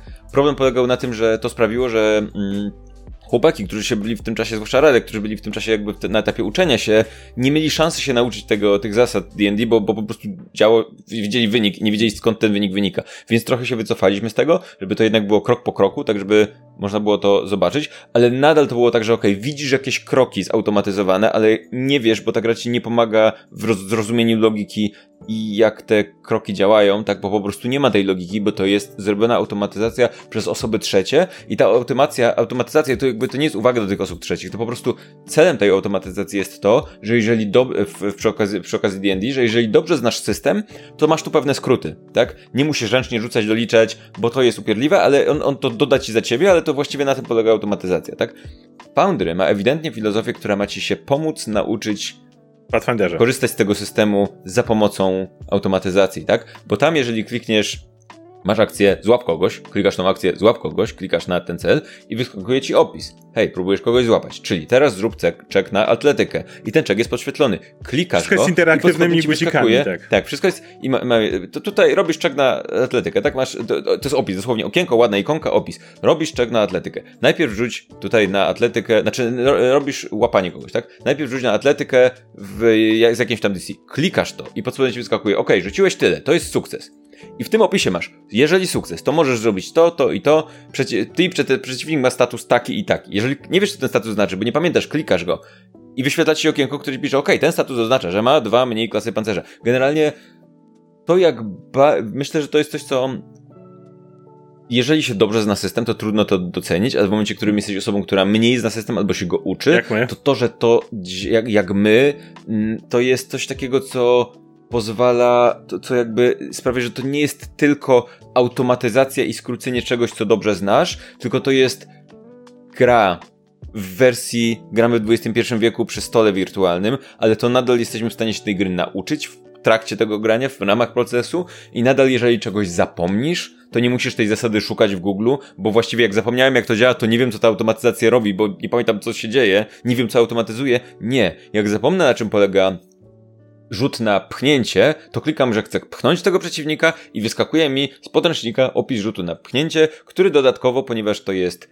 wirtualny stół, a nie wirtualny stół Wizards, który nie ma w sobie nic wirtualnego, to dodatkowo ten opis jest interaktywny, pozwalamy kliknąć odpowiedniego elementy, odpowiednie elementy, e, przeczytać, zrobić rzut, wyświetli mi i tak dalej, i tak dalej. Jakby to jest, to jest nadal ma założy wszystkie założenia, które spełnia podręcznik, czyli możliwość nauczenia się, poznania, przeczytania, sprawdzenia, ale w wersji wirtualnej, czyli ze wszystkimi zaletami, interaktywnością, możliwością zautomatyzowania pewnego rzutu, y, policzenia pewnych rzeczy samemu i tak dalej, i tak dalej. Więc to jest jakby full packet i y, full package i jest to naprawdę nowa, nowa jakość z perspektywy tego. I co warto podkreślić jeszcze raz, to powstało w ciągu ostatnich dwóch lat. W momencie, w którym w ciągu ostatnich dwóch lat a, Wizards nie zrobiło nic a, a w sam Pathfinder, Foundry, tak? A sam Pathfinder druga edycja ma trochę ponad 3. Tak, więc to, to jest jakby... To, nie, to, to, nie jest, jest tak, młody że... system jeszcze. Ja, ja chcę podkreślić, że to nie jest tak, że ja uważam, że my podjęliśmy te ileś tam lat temu, zaczynając granie w D&D, podjęliśmy jakąś złą decyzję. Jakby to po prostu jakby środowisko się zmienia. Wirtualne stoły się rozwijają, a Wizards był do, jest właściwie dokładnie w tym samym miejscu, co te ileś lat temu. Poza tym, że pracują nad tam jakimś stołem. No to, no to jakby z naszej perspektywy nic się właściwie nie zmieniło w kwestii wsparcia Wizards w ciągu tych ostatnich lat, mimo że dosłownie powstał nowy wirtualny stół, w którym Paizo zrobiło pełne wsparcie i, i rozwija na bieżąco. Więc... Tak, i tu warto powiedzieć, że właśnie w tym stole, ponieważ e, jest, Paizo ma wsparcie, ma, mamy zarówno jakby ten core deweloperów, mamy ludzi, którzy są bezpośrednio powiązani z Foundry, więc wchodzi, wchodzą w to pieniądze. No ale też jest cała masa ochotników. Tylko różnica jest taka, że ponieważ jest ten core, to ci ochotnicy to nie, to nie będą ludzie, którzy piszą każdy swoją logikę, tylko mogą się po prostu dołożyć do tego, wiecie, to jest grupa, która będzie miała, mają tam, oni mają, jak wchodzisz, jest, możecie sobie kliknąć, jeżeli ktoś chce po prostu, tak jak robią moduły normalnie ludzie, ale chce zrobić coś, czego, czego mu brakuje, to może wejść, jeżeli zna się na programowaniu, ale musi spełnić reguły jakby, które, które funkcjonują tym, żeby im się to nie rozjechało. Przez co to jest zunifikowane. Masz kupę ludzi, które robi to zupełnie za darmo. Tak samo jak w przypadku D&D, ale ponieważ jest ten core, który jest oficjalny, ten, ten, ten jakby kto, ktoś nad tym czuwa, kto jest powiązany bezpośrednio z mm, Foundry i jest w tym momencie jakaś, jakaś również finansowa inicjatywa, to jest to spójne. Ktoś dba o spójność tego, żeby to, to wszystko działało, żeby, żeby był kierunek, żeby było wiadomo też nad czym ten korowy team pracuje obecnie, co rozwija i tak dalej, a inne rzeczy dochodzą. E, I dzięki temu to cały czas jest rozwijane w bardzo konkretną stronę. Dostają cały czas kolejne rzeczy i tak dalej. Na przykład w tym momencie, kiedy rozmawiamy, jest motyw, który, który ja bodajże zapytałem na, na tam czacie i napisałem słuchajcie, jest taka sprawa, bo tarcza nie powinna zatrzymywać magicznych obrażeń, a tutaj oni mówią, tak, w tym momencie tarcza nie, nie jest w stanie rozpoznać, czy to to magiczne obrażenia, czy fizyczne, trzeba to zrobić jakby ręcznie, ale niedługo się to zmieni. I masz takie, fajnie, nie? Wie, masz okej, okay, pracują nad tym, to nie, nie, nie są głusi na to. Mają, mają wytyczne, które jakby nigdy nie spowodują, że ktoś będziesz edytował cudzą kartę postaci, bo to jest Może to chyba Paizo to narzuciło, nie pamiętam. Wydaje mi się, że to było tak, że to Paizo konkretnie to jest, to jest tak, miało takie wymogi. Na początku to było dla mnie obce na zasadzie, ok, stworzyłem jakiś efekt jako Bart, tak? I nie mogę tego efektu ja przerzucić na karty postaci innych, każdy musi na swój.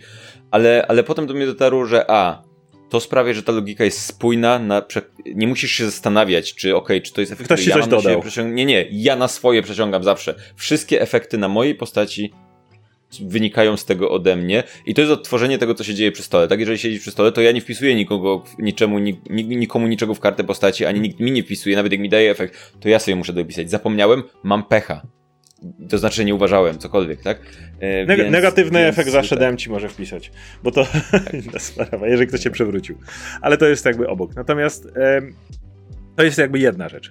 I teraz druga rzecz.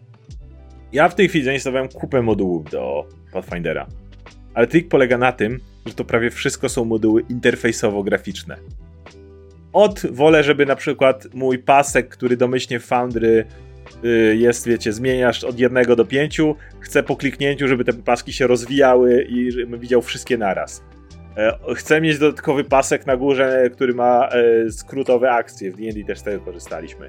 Chcę po najechaniu na, na postaci, żeby jakieś tam parametry, których potrzebuję, jakieś rzuty obronne, klasa pancerza i tego typu rzeczy, żeby mi się wyświetlały, kiedy najeżdżam, albo odległość, która jest pomiędzy tymi postaciami, nie? Mhm. A to wszystko rzeczy, które są związane tylko i wyłącznie z interfejsem. Jakby Core Foundry też, nie? Jakby to nie jest coś, co, jest, co, tak. co, co poprawia ten moduł Pathfindera, to, to nie są moduły, które nakładasz na tamten moduł, to jest coś, co jakby działałoby nawet bez modułów Pathfindera generalnie. Do modułu Pathfindera, do jakiejkolwiek automatyzacji, on może trzy moduły dodatkowe, które coś robią. I prawda jest taka, że one gdyby padły, nagle by się wszystko nie spierdoliło. To jest na przykład moduł, który w momencie, w którym atakujesz przeciwnika, który jest e, w jakiś sposób niewidoczny, to ci automatycznie rzuci kostką i sprawdzi, czy go trafiasz, pomimo tego, że jest widoczny, czy nie, jakby. Dalej widzisz ten efekt, dalej możesz sprawdzić, co ten efekt robi. Prostu różnica jest taka, że musiałbyś dodać rzut, plus oni jakby rozmawiają z tymi deweloperami, którzy to robią i wchłaniają też rzeczy, które do, do core które przygotowują, którzy, po to, żeby ten core się rozrastał, żeby jakby co, żeby nigdy nie trzeba było polegać na zewnętrznych modułach. Jest moduł, który nazywa się Pathfinder to Workbench, który e, oni sami nazywają, to jest taka, to takie automatyzacje, które albo nie wchodzą w ich filozofię, albo oni jeszcze ich nie przygotowali w sposób, który byłby spójny z tym, co oni robią, więc ktoś może sobie to dodać i z nich korzystać. Wiele z nich wejdzie w główny system, niektóre nigdy nie wejdą, bo to są takie, które nie spełniają tej filozofii, nie? Ale to są, to są, to są dodatki, to są rzeczy kompletnie dookoła tego. Natomiast ma, mało tego, to czego oni nie przygotowali w powiedzmy e, nie byli w stanie, bo obecnie nie obejmuje to jakaś automatyzacja systemu, na przykład przygotowali ci cały zestaw makr. Nie trzeba ich pisać ręcznie. Jest cały zestaw makr, które jeżeli czegoś potrzebujesz, nie jesteś pewien, na przykład, nie wiem, jakiś tam specjalny e, Magic Missile, znany, znany z D&D również piątej edycji, czyli wiadomo, strzelasz i musisz wybrać trzy cele, ale możesz wybrać trzy cele dla jednego pocisku. No to nie jest, jakby e, logika w D&D tego nie obejmowała ani w Pathfinderze. To zamiast szukać gdzieś jakiegoś specjalnego modułu, twórcy dołączyli ci makro Magic Missile. Sorry, nie, nie jesteśmy w stanie teraz tego zrobić w taki sposób, żeby to było automatyczne. Masz tutaj nasze kompendium makr, przesuń sobie je na pasek. Tyle. Masz Magic Missile. Koniec, zrobione, już. Jakby ja, ja, ja zamiast siedzieć i ślęczeć nad tym, jaka jest logika, wiesz, kodu każdego skilla, zaglądam sobie w te, w te, w te makra i widzę, że oni, oni już o tym pomyśleli. Oni już byli krok wcześniej i to już działało.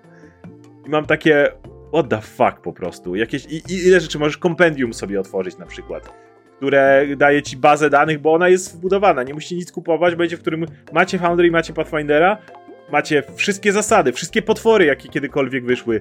Wszystko jest w, dodane w Foundry, nie ma przygód. I oni przygody dodatkowo robią, automatyzują i tak dalej, i tak dalej, i będą na tym zarabiać i spoko. Ale generalnie wszystko inne jest tam automatycznie dodane i do, dodane i zautomatyzowane. Jeżeli coś nie jest zautomatyzowane, na przykład potworki mają specjalny guzik, który przełącza. Ok, masz miśka, który zadaje dodatkowe obrażenia przeciwnikowi, którego trzyma.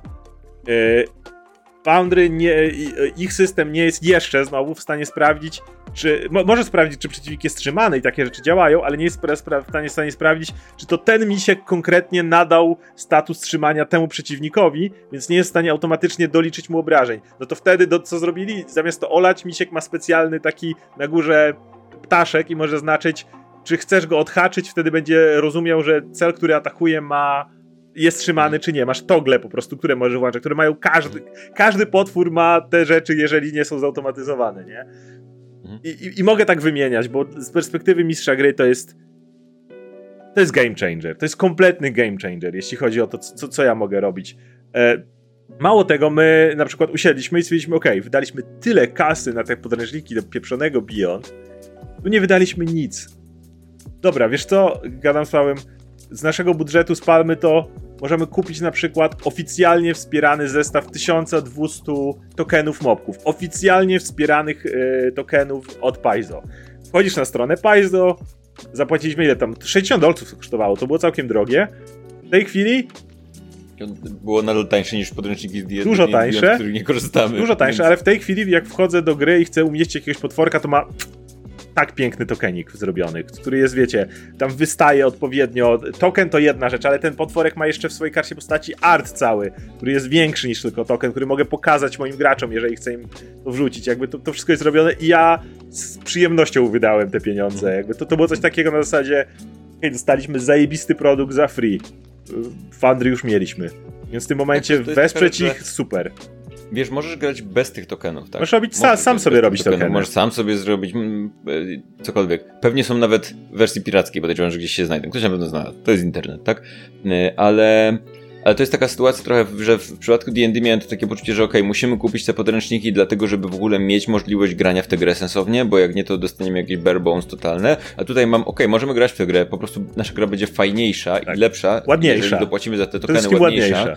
Nie, tak, i jakby to, to, to jest gadaliśmy o tym w ogóle wielokrotnie, mm, że, że jakby sam fakt płacenia za jakąś dodatkową rzecz, to, to okej, okay, to nie jest gra wideo free to play, więc to, to trochę się nie ma, nie ma ten, ale emocje są trochę te same, tak? Jedna rzecz to jest po prostu Wizards, który utrudnia ci życie i generalnie zapłać, bo inaczej nie, nie dasz rady właściwie grać w tę grę, a inna rzecz jest taka, że, a, a, a drugą rzeczą jest e, dajemy ci pewne rzeczy, które po prostu ci tę grę rozwijają w jakiś sposób, nie? W Wizards to jest oczywiście takie dziwne, bo możesz powiedzieć z drugiej strony, no dobra, no, no ale jakby to jest dodatek do gry faktycznie, dostajesz jakieś możliwości nowe i tak dalej, ale, ale po prostu ta filozofia Paizo, która oczywiście wynika też w pewnym stopniu z tego, to, to nie ma co, to też jest, też jest firma, której nie ma co traktować jako, wiesz, niesamowitych jakichś zbawicieli. Ale jednocześnie nie jest ogromny, tak ogromnym korpo. Tak, nie jest też wielkim korpo, ale jakby trzeba mieć tak. pewne zawsze ograniczone zaufanie na pewno w dużej części wynika to z tego, że w jakiejś części wynika to z tego, że są tą mniejszą firmą, która chce do ciebie podejść wy jako jakby chcecie przekonać do siebie, tak?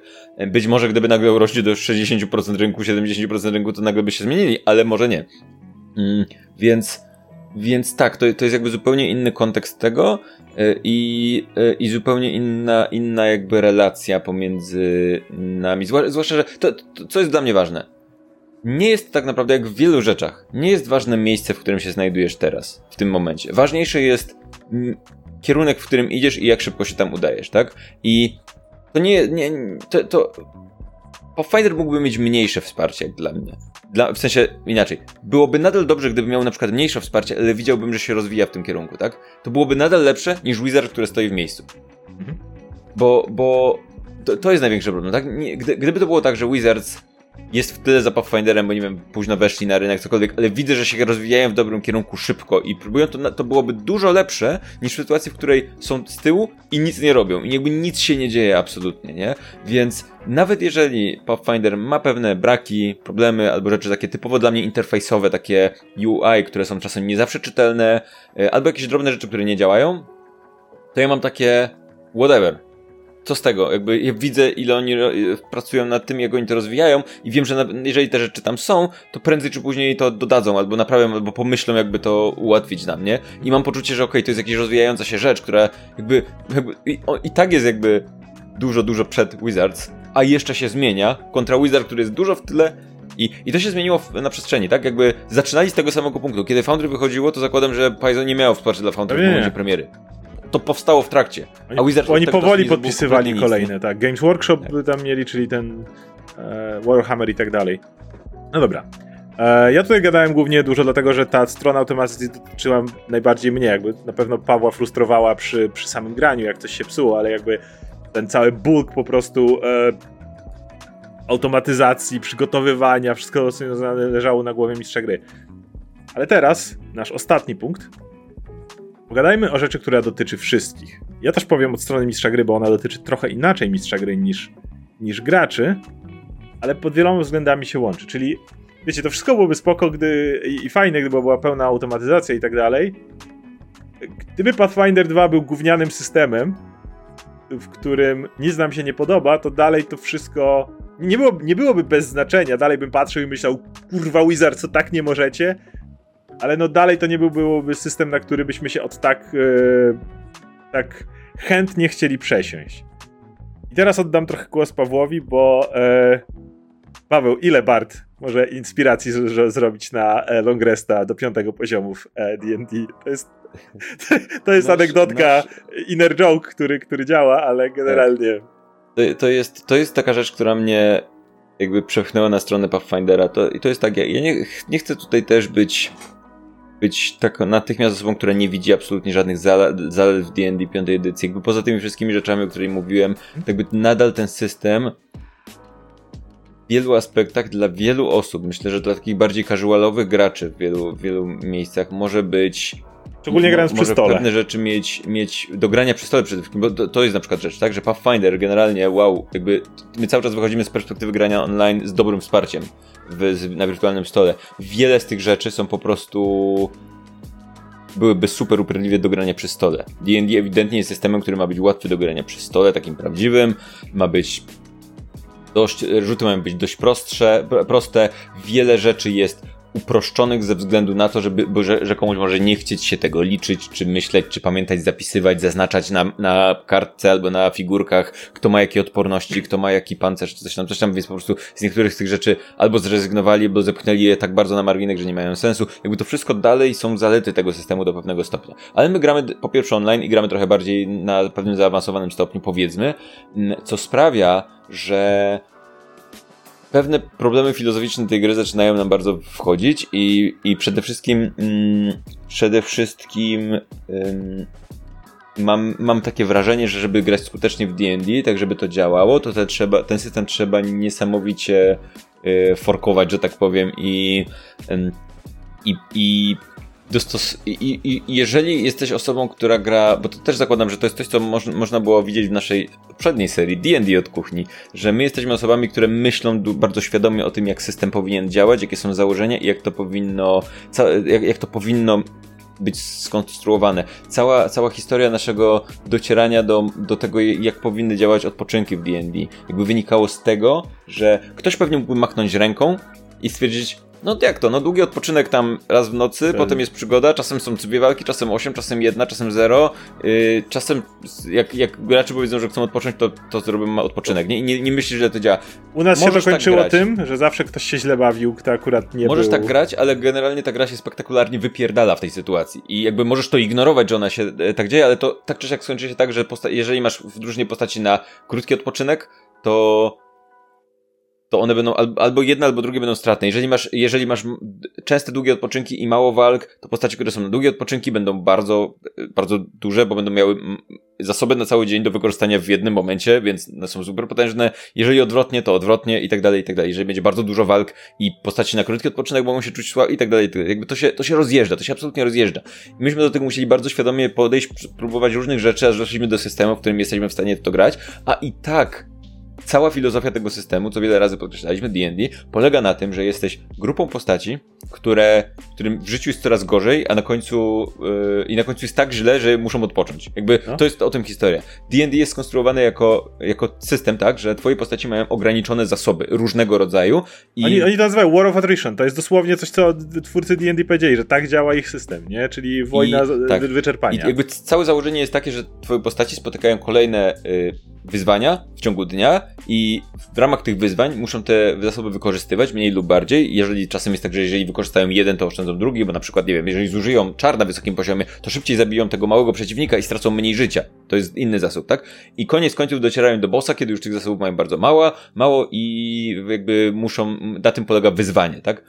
E, gdy, jeżeli postawisz im bossa natychmiast, to będą mieli wszystkie zasoby i ta walka będzie prawdopodobnie albo, albo będzie A, trywialna. Albo, albo przegniesz bossa. Tak, albo będziesz musiał tak podkręcić bossa, żeby wszystkie te zasoby zostały wykorzystane w trakcie tego bossa i będzie absolutnie męczące, nie? Nie, nie, nie. wtedy jest duża szansa, że jeżeli tak podejrzysz bossa, to ten boss po prostu przy jeden rzut w tą, jeden w tamtą, ups, drużyna zginęła, no to nie ma tak. tam... Tak, zwłaszcza, że właśnie w, e, jeżeli, jeżeli twój Adventuring Day jest podzielony na ileś enkanterów, to, to pech w trakcie jednego z tych enkanterów nie, nie wpływa na, yy, na nie wpływa aż tak znacząco, jakby, bo statystycznie na jednego pecha w trakcie tych enkanterów trafi się też jeden sukces. Jeżeli masz jeden duży enkanter w ciągu jednego dnia, to jeżeli ma, jest akurat pechowy, to, to jakby już nie masz kolejnego enkantera, na którym, wiesz, nadrobisz te zasoby, czy który ci wyjdzie szczęśliwie, masz tylko jeden, więc jak ci wyszedł pechowo, no to tragedia. Jak ci wyjdzie szczęśliwie, to jesteś w stanie tego bossa nagle przypadkiem y, zaszlachtować po prostu. Jakby nie jesteś w stanie tego określić. To są wszystkie rzeczy, o których mówiliśmy w D&D od kuchni i które próbowaliśmy naprawić,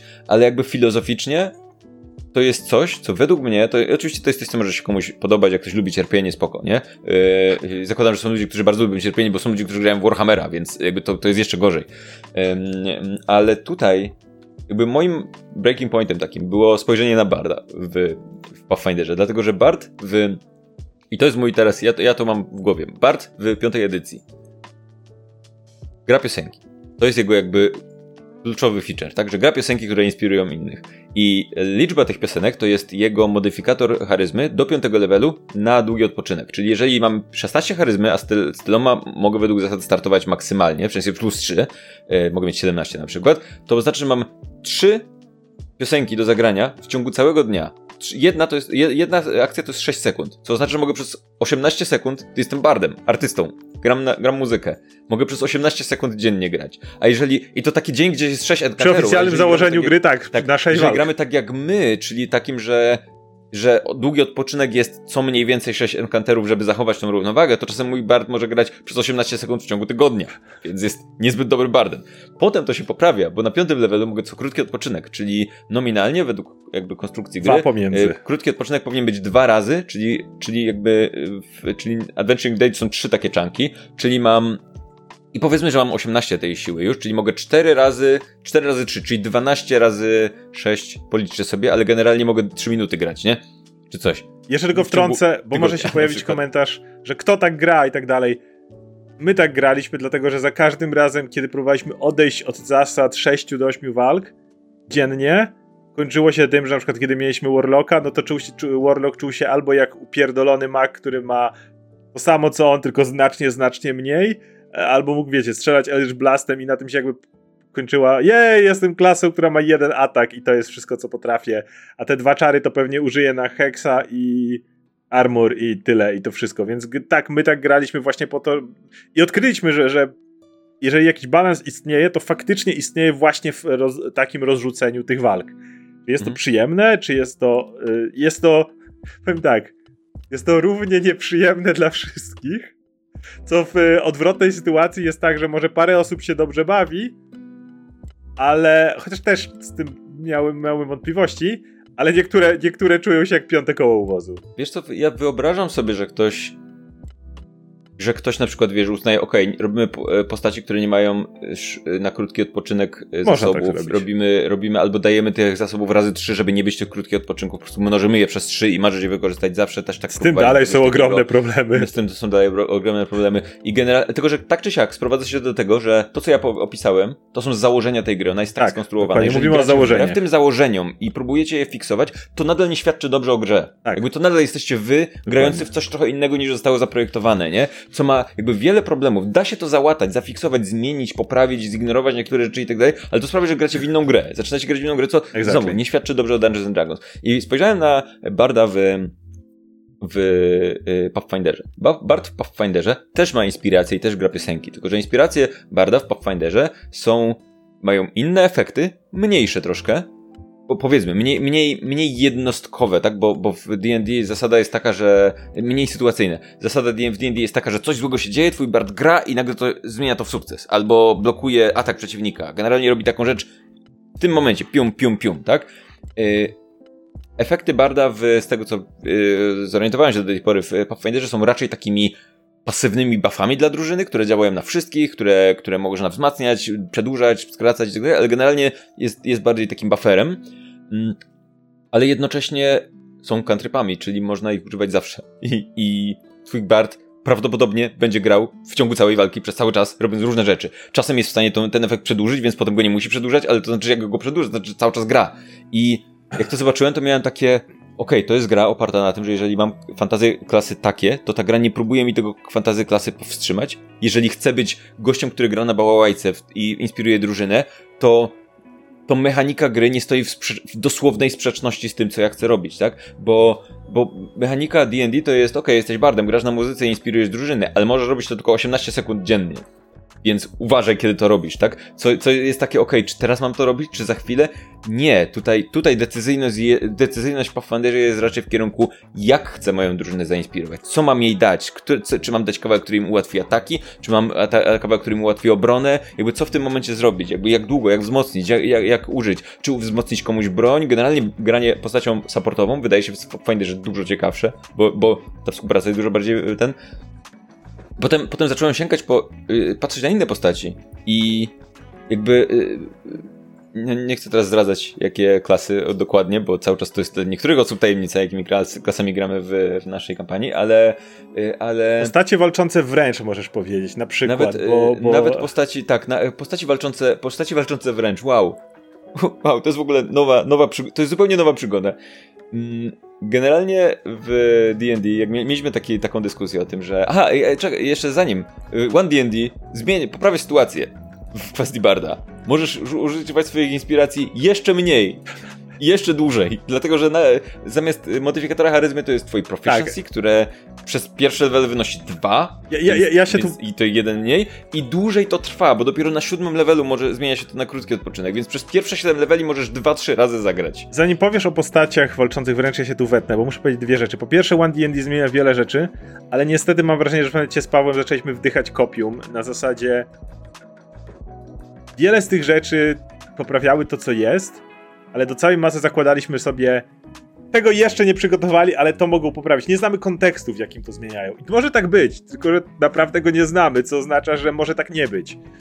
I mhm. musimy, może te, ja cały czas mam kciuki, zmieńcie te długie odpoczynki, krótkie odpoczynki, wyrównajcie to pomiędzy sobą. Ale szczerze mówiąc, po tym jak pokazali nam e, Roga i Barda i Rangera, to w ogóle nie wyglądało tak, jakby Rogue miał nagle mieć inne możliwości dzięki temu, że dalej wyglądało, że będzie balans ten sam, czyli czy, czy będzie go brakowało. Ale zanim przejdziesz o ten, musimy po powiedzieć, bo da, chciałem powiedzieć, żebyś pogadał bardziej, bo wiem, że to jest, to był twój game changer, ale jest jedna rzecz, która myślę, że jest game, changer, game changerem dla prawie wszystkich osób, które sięgają po Pathfindera, czyli system akcji. Bo może od niego zacznijmy mm. i może, bo to są takie highlighty. W D&D idea jest taka, że twoja postać, i to, i to, i to jest też do tłumaczenia, za każdym razem, kiedy mieliśmy gościa na przykład, którego ja musiałem przygotować do grania, który nigdy nie grał w D&D, musiałem usiąść i powiedzieć, słuchaj, Masz tutaj, jeżeli do, doszłoby do walki, ja, zwykle unikaliśmy wtedy walki z gośćmi, ciekawe dlaczego, e, ale było tak, jeżeli tak, to twoja postać ma akcję. W ciągu tej akcji możesz generalnie zrobić większość rzeczy, które możesz zrobić, czary, jakieś tam i tak dalej. Ma też bonusową akcję, to nie jest wymienne dla jasności, to jest zupełnie inna akcja. Niektóre twoje umiejętności ma, mają dopis do bonus akcji, ale może jesteś klasą, która nie ma nic za bonus akcję, ciężko powiedzieć. Musisz, I musisz... I one są niewymienne i czasem możesz je robić razem, ale czasem nie. Jak to są czary, to nie. Ale musisz Tak, uważać. tak, bo pamiętaj, że masz tylko jeden czar na turę, więc tu też uważaj, jak to robisz. Masz reakcję w nie swojej turze. Masz ruch, pamiętaj. Ruch możesz, masz oddzielnie i, i możesz go przerywać, ale pamiętaj, e, że, że, że, że jakby to jest oddzielna rzecz. Nie musisz go wykorzystywać. Możesz w danej turze się kompletnie nie chcieć ruszyć. E, no i jest jeszcze coś w rodzaju interakcji, gdzie, która powoduje, że niektóre rzeczy możesz zrobić za darmo, ale tylko raz w swojej turze, pamiętaj Bo o potem już kosztują akcje. A potem kosztują akcje. E, i, to, I to tak absolutnie w skrócie. E, pomijając już fakt, że to jest e, dla osoby, która nigdy nie grała upierdliwe do nauczenia się, to, powod- to również bardzo e, powodowało, że tak, D&D jest proste, ale jednocześnie dla wielu postaci prostackie. To, to znaczy, na przykład mamy znajomego, który grał e, Paladynem e, i Paladyn jeszcze ma sporo umiejętności, ale na przykład powiedział, że on nigdy nie zagrałby barbarzyńcą albo fighterem z, z tego powodu, że jasne, możesz fightera zrobić mu subklasę i dodać mu umiejętności, ale mam myśli o takim czystym, wiecie, jaki, jaki on tam się nazywa, champion albo ktoś hmm. taki, kto nie ma za wiele dodatkowych tych jeszcze opcji, też te zasoby są limitowane. Bo postać generalnie najbardziej opłacalna rzecz, jaką możesz zrobić 99% razy taką postacią, to podejść i zaatakować. To jest generalnie najlepsze, co możesz zrobić, nie? Y, bo, bo jakby mistrz gry musi naprawdę stanąć na głowie, żeby przygotować ci encounter, którym nie be, i, i, i potwory, w którym to nie będzie najlepsze, co zrobisz. I często to wygląda tak, że po prostu twoja akcja polega na tym, że podchodzę i uderzam, bo, bo za wiele, niewiele, jakby nie, nie bardzo mogę zrobić inne rzeczy, nie? Zwróćcie uwagę, jeżeli oglądacie naszą serię, że na trzeci odcinek y, Mahin Lantanu, pierwszej przygody Mahin Lantanu, trzecia część, ostatnia, jest tam taka walka i w trakcie tej walki jest kilka dobrych tur, kiedy ja po prostu stoję i mówię, to ja uderzam, to nic, nie, nie, nie trafiam i no to dalej, tak? Dlatego, że mam, mam wprawdzie akcję, interakcję, bonusową akcję i ruch, tej, w tym momencie, ale one są niewymienne i to, że na przykład moja postać nie rusza się i nie ma powodu się ruszać, nie daje mi, bo nie daje mi to żadnej przewagi. Nie. nie może mi dać żadnej przewagi, to w Pathfinderze też się mogłoby zdarzyć, że dałoby mi przewagę, ale ruch generalnie tutaj służy kompletnie niczemu. Mm, i ten ruch jest niewymienny na nic, tak? Czyli jeżeli moja postać się nie rusza, to nie może na przykład zaatakować po raz kolejny, tak? Nie, bo, bo, bo nie ruszam się i jakby mój ruch niewymienny jest na nic, więc, więc stoję, uderzam, i nic więcej. Nie zużyję mojej akcji na zastanowienie się nad słabymi punktami przeciwnika czy coś tam, bo to jest, bo jakby nie ma tej granulacji, to zaraz tego przejdziemy, ale nie ma gradacji jakby kosztów, tak? To jest zero-jedynkowe, po prostu rzecz kosztuje akcję. Uderzenie kosztuje akcję, zastanowienie się nad słabymi punktami przeciwnika kosztuje akcję, więc w mojej głowie się pojawia, no okej, okay, pewnie fajnie byłoby wiedzieć, jakie słabe punkty przeciwnika, ale one prawdopodobnie, mam prawdopodobieństwo, że one, że się ich nie poznam, bo mój rzut będzie słaby i jest prawdopodobieństwo, że one nie będą istotne, albo nie możesz... Są, y, y, przewaga nie będzie tak duża, więc lepiej jebnąć. Nie, nie możesz rzucić dwóch czarów na turę, co oznacza, nawet jeżeli masz czar za akcję i bonusową akcję i chcesz w tym momencie się wypalić, nie możesz tego zrobić, znowu mówię by the books, mm. pewnie wiele osób to stwierdza. To, to, to, też coś, co mówiliśmy Właśnie? przy wybieraniu czarów, ponieważ nie ma, bo jakby zakładam, że już załapaliście, że Pathfinder ma trzy akcje i rzeczy kosztują różną liczbę akcji. Zaraz sobie tłumaczenia. I reakcje. Jakby, to jest wszystko. To jest jakby już właściwie tak. wyjaśniłem. To, co ale, ale, ale znaczy, to, to, to, jest bardziej tak? złożone, ale nie, nie w tym miejscu. Dobra, skoro o tym tak, mowa... Tak, nie w tym miejscu. Jakby możesz od tego zacząć, nie? I, i ponieważ to się, to się różnicuje, to, to w, mówiliśmy o tym kiedyś e, też przy okazji D&D, że wybieranie czarów w D&D jest bardzo tricky, dlatego że, e, że okazuje, że jakby jak masz ograniczoną liczbę slotów, bo znowu trzeba zasoby, które trzeba wyczerpywać i tak dalej, i tak dalej, i mm, i rzeczy kosztują tyle samo, tak? Czyli akcja to jest czar, to prawdopodobnie te akcje chcesz rzucić na ten mocniejszy czar, a nie ten mniej mocny, bo jakby nie ma poziomowania ich kosztu w trakcie samej walki, tak? On po prostu kosztuje akcję, albo nie, nie kosztuje akcji, albo nie ma, tak? Każdy kosztuje akcję, tak? Możesz zrobić jeden, więc wiadomo, że wybierzesz ten mocniejszy, tak? Nie zastanowisz się, kurczę, może użyję trzech słabszych, albo może użyję jednego supermocnego, albo coś takiego. Nie, nie, jakby każdy kosztuje to samo, więc zawsze wybierzesz mocniejszy, tak? I w Pathfinderze, jak wspomniałeś, to mówisz komuś, słuchaj, na początku twojej tury twoja postać dostaje, to jest nawet wytłumaczone jak, jakbyś dostawał walutę, dostajesz trzy akcje i jedną reakcję. Jeżeli nie wykorzystasz ich do swojej kolejnej tury, to one przepadają i dostajesz nowe. Tak to najłatwiej tłumaczyć. Mhm. Reakcja to jest coś, co robisz generalnie nie w swojej turze, choć znowu każda reakcja ma dopisane słowo, żeby jakbyś, jakbyś nie rozumiał. Trigger, czyli w jakiej sytuacji możesz jej użyć. Nie musisz zastanowić, czy wtedy, tak, czy co. Nie, tam każda reakcja ma dopis, na co możesz nią zareagować. Dokładnie jak czytasz tą reakcję, to wiesz, w którym momencie możesz jej użyć. To może być nawet z jakiegoś powodu w twojej turze, ale wtedy dokładnie wiesz dlaczego. A potem masz trzy akcje. Teraz. A, a co z ruchem? Akcja. A co z podniesieniem broni z ziemi? No, akcja. A co z atakiem? No, akcja. Możesz to wszystko rozłożyć dokładnie tak, jak chcesz, i, i, i zrobić z tym dosłownie ułożyć to jak ci się podoba. W swojej turze przez to możesz kombinować z tym, jak chcesz te akcje podzielić, co znowu powoduje, że Pathfinder może dużo e, łagodniej podejść do kwestii zasobów. Nie musisz e, postacie, te, które mają zasoby i te, które nie mają zasoby, nie muszą być w, taki, w takiej kontrze do siebie w taki sposób, że te, które mają zasoby są potężniejsze, dopóki się nie wypalą i tak dalej. Tylko y, postacie, które mm, y, na przykład ten zasób jest potężny, ale kosztuje mnie dwie akcje w mojej turze. I to jest wszystko oznaczone fajnie w Foundry, masz taki, takie ładne znaczki, że to kosztuje cię dwie akcje mm. w twojej turze. Ok, więc jeżeli to zrobi, to kosztuje mnie dwie akcje. I musisz to rozłożyć, musisz pomyśleć, ok, chcę się ruszyć, okay, jeżeli się ruszę, to nie mam tej jednej akcji na coś innego. Mhm. Chcę przewrócić przeciwnika, ok, jeżeli, jeżeli ktoś leży, to żeby wstać, musi zużyć akcję, jak zawsze mieliśmy ten problem, połowa ruchu. Mhm. Nie akcję, po prostu kosztuje to jedną akcję. Większość rzeczy, która jest w tej grze kosztuje jedną akcję, ale jedną z trzech. więc nie konkuruje ci bezpośrednio z tym, czy ty zaatakowałeś, czy ty, nie wiem, otworzyłeś drzwi, które są, pierwsze są za inter, w D&D za pierwszą interakcję. Nie, po prostu masz to mhm. powiedziane. I to jest wbrew pozorom super proste, daje kupę możliwości decyzyjnych i wiem, że są że wiele zastrzeżeń, że robią się z tego rotacje. Rotacje robią się tylko pod warunkiem, że każdy w drużynie gra solo. Bo jeżeli zaczniesz do tego myśleć, jak reagujesz na resztę, jak zaczniesz, chcesz robić swoje akcje nie tylko po to, żeby, wiecie, napierdalać w D&D, wiele osób do tego przywykło, bo tam nie ma za bardzo tego drużynowego playu dobrze zrobionego, tylko na przykład ja gościa przewrócę i teraz jak on wstanie, to traci akcję, dzięki temu może nie dobiegnie do mojego maga, który stoi z tyłu i dzięki temu jest bezpieczny. Bo, bo teraz ma jedną akcję na wstanie, więc ten mak może łatwiej się odsunąć.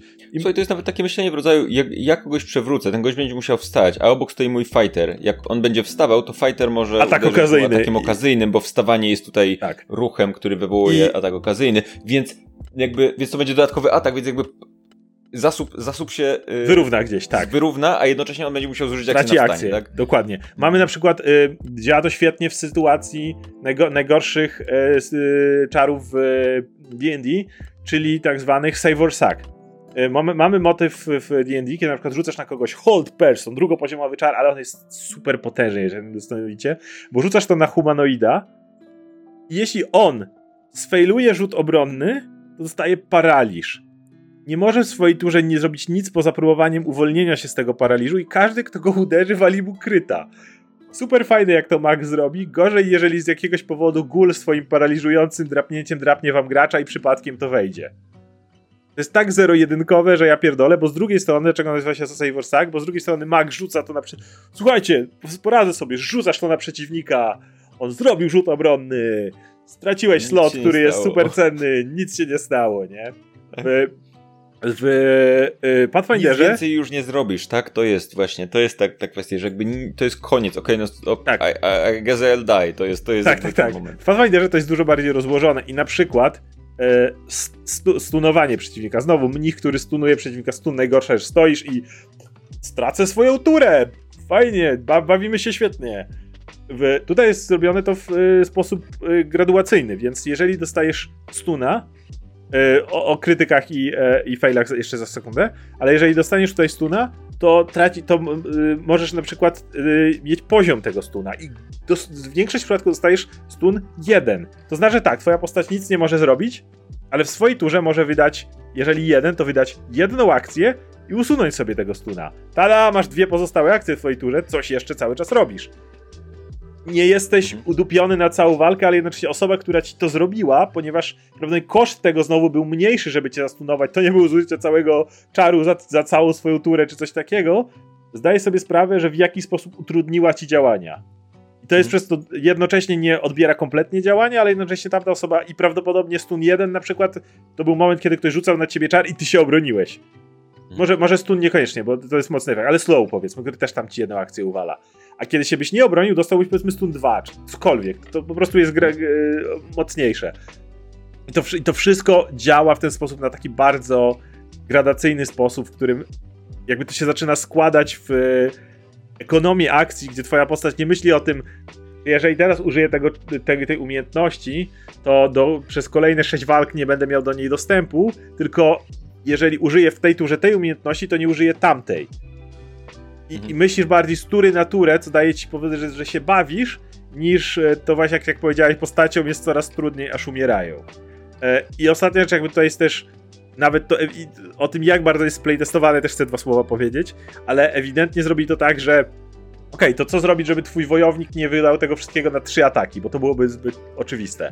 No jest system, który powoduje, że jeżeli pierwszy, atakujesz pierwszy raz, to atakujesz normalnie, drugi atak atakujesz z karą minus 5 do trafienia, trzeci atak atakujesz z karą minus 10 do trafienia, to znowu zachęca cię do tego, żeby ten wojownik nie robił akcji to ja atakuję trzy razy.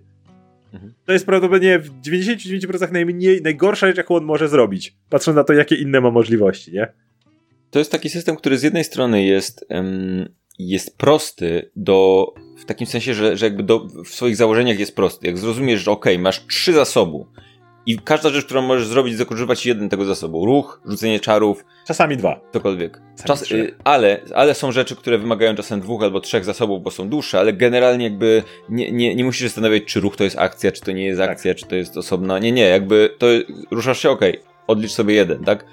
Mm, sprawia, że z jednej strony to jest dużo prostsze do wyjaśnienia. Jakby mam wrażenie, że już wiecie, już wiecie o co chodzi, tak? A z drugiej strony daje dużo więcej głębi, tego takiego poczucia, że decyzyjności wewnątrz, obręb, w obrębie samej, um, samej swojej y, tury, sa- samych decyzyjności w trakcie. Um, I to jest, to jest zresztą to, to coś, co y, to a propos postaci walczących, tak? To jest um, to, co Oskar powiedział, tak? Ponieważ jest są kara, to możesz walnąć trzy razy, ale zwykle to nie jest najlepszy pomysł, więc, więc teraz sytuacja, tak? E, jakby współpracy i, i pewnych, mm, pewnych połączeń między tymi akcjami różnych ludzi. Zobaczcie, mamy powiedzmy maga jakiegoś tam stojącego z tyłu, tak?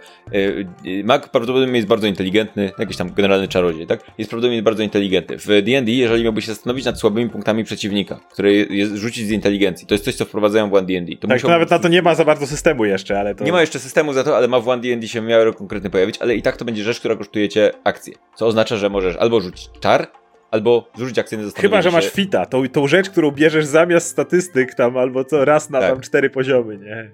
To, to ten, to, a, ale generalnie tak. Tutaj zastanowienie się nad słabymi cechami przeciwnika oznacza, to jest bonusowa, to jest... E, jedna to akcja. Jest jedna akcja. Jak tak? wszystko. Co tak. oznacza, że jeżeli jesteś magiem, stojącym z tyłu i nie musisz w tym momencie się odsunąć od przeciwnika, nie musisz generalnie wykorzystać swojego ruchu, jesteś bezpieczny w tym momencie, to możesz spokojnie rzucić czar za dwie akcje i pomyśleć nad słabymi punktami przeciwnika.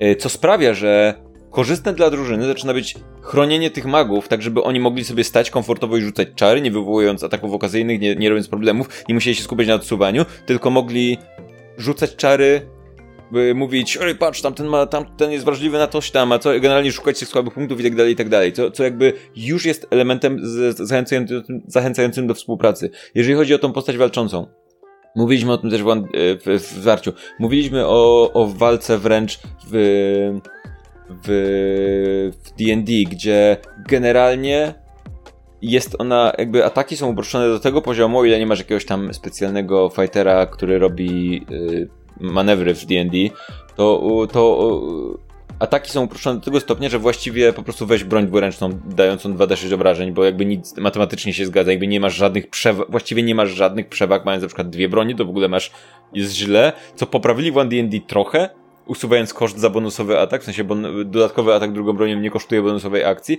ale to nadal jest gorzej niż jedna broń dwuręczna. Jakby nadal, to nadal nie ma zalet. Nadal matematycznie jest to, jakby z czasem się coraz bardziej rozjeżdża, tak? Przy drugi, dwóch atakach już się rozjeżdża.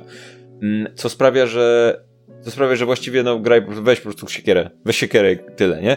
Tutaj ja sprawdzałem rodzaje ataków y, u fightera na przykład, tak? Czy u, są też różne ataki u mnicha, jakby generalnie Każda z tych rzeczy ma wartość, a ponieważ na przykład ym, złapanie przeciwnika, pchnięcie go i tak dalej też jest akcją jedną, co znaczy, że możemy, że nie musimy poświęcać swojej skuteczności w walce na to, żeby spróbować to zrobić, tak?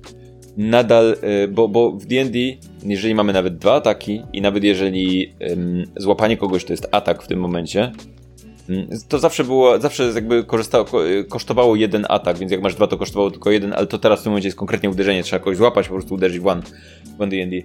Ale tutaj mamy tak, że możemy kogoś uderzyć, trafiamy, ale uznajemy, ok, teraz mam tą taką, to trafienie, które jest mniejsza szansa ma na trafienie, może spróbuję go złapać. Albo może spróbuję go przewrócić moim pierwszym atakiem i wprawdzie mój drugi atak będzie minus 5, ale ponieważ on jest przewrócony, to on już ma minus 2 Ale na przykład, Mag ci powiedział, że ten gość może ma wysoką klasę pancerza. Ale. Ale ma niską zręczność. I łatwiej to go znaczy złapać. Mogę go podciąć. Mogę tak, go podciąć, możesz go podciąć, przewrócić, że okej, okay, pierwszy cios uderzasz, bo chcesz jak największą premię, a drugi, ponieważ wiesz, że będzie to zrobienie łatwiej, go podcinasz, bo zdajesz sobie sprawę, że podcięcie go jest łatwiejszym ruchem. Albo robisz to odwrotnie i teraz go łatwiej ci trafić, jak leży na ziemi. Ci trafić, bo masz ten, ale, ale jak go podetniesz, to wszystkim do wokół będzie go łatwiej tak. również trafić, tak? Dopóki on, do, jeżeli zależy gdzie jesteś w miejscu w y, tym, tak? Jeżeli jesteś wcześniej i wszyscy się ruszają po tobie, to zanim on wstanie przez twoi towarzysze, to on, to wszyscy będą mieli ułatwione ataki do niego, tak? I jakby jest dużo więcej, dzięki temu systemu, który, systemowi, który jest prostszy do wyjaśnienia, mamy dużo więcej głębi, więc to jest absolutny highlight, tutaj się zgadzam. Jakby to są dla mnie te dwie takie rzeczy, powiedziałbym inaczej. Trzy rzeczy, które są dla mnie kluczowe. Jednej jeszcze, jeszcze nie powiedzieliśmy. Pierwsza, nie opieranie się tak mocno na tym, że masz zasoby, które musisz zużywać z czasem, aż umrzesz. Więc dzięki temu, ponieważ to nie jest tak oparte, to też mistrzowi gry jest łatwiej zrobić, nie wiem, jedną dużą walkę, kilka walk i tak dalej. Do planowania walk za, za sekundę dojdę i żeby to, żeby wymęczyć, nie, nie ma takiego znaczenia, żeby wymęczyć graczy aż do bossa, tak?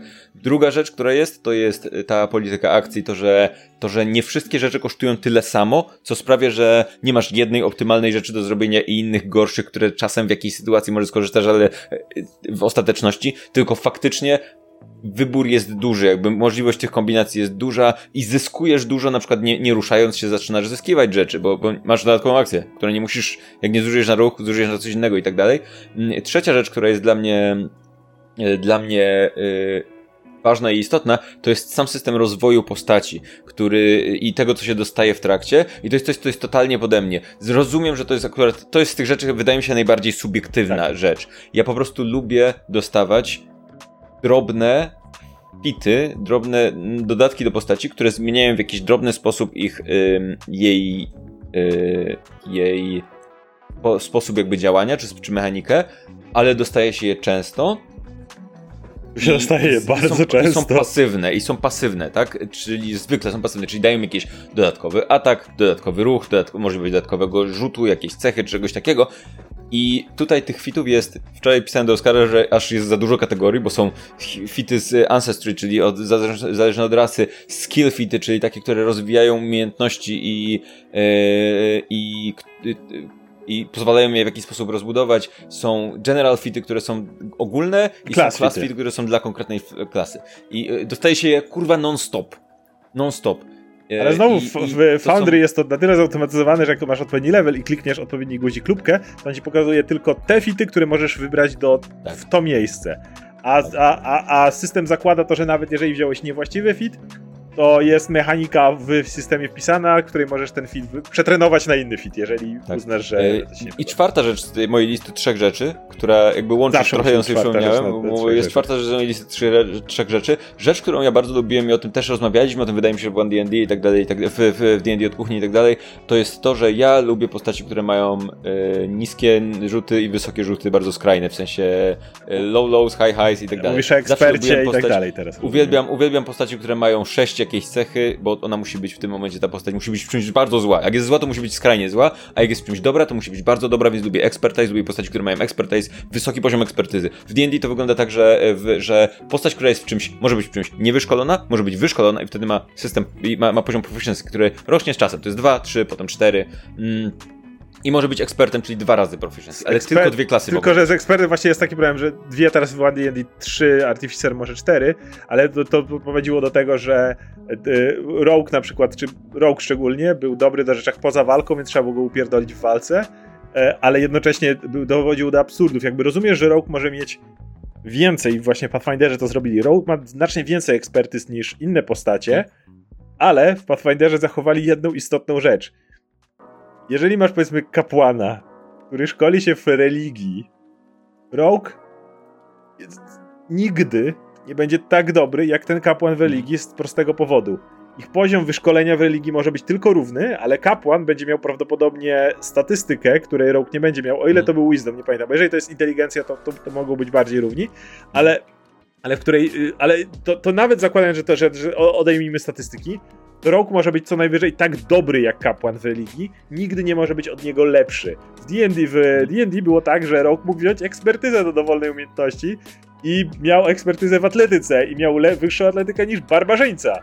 E, I no, tyle. To, to, to byłby dziwny rok, wprawdzie, ale. E, ale mógł. Generalnie, ja zawsze jak rozmawialiśmy o tym, zawsze Oskar mówił. To, to jest taka ta dziwna sytuacja, bo to jest trochę taka sytuacja, że ten expertise jest trochę takim. Jest trochę taką.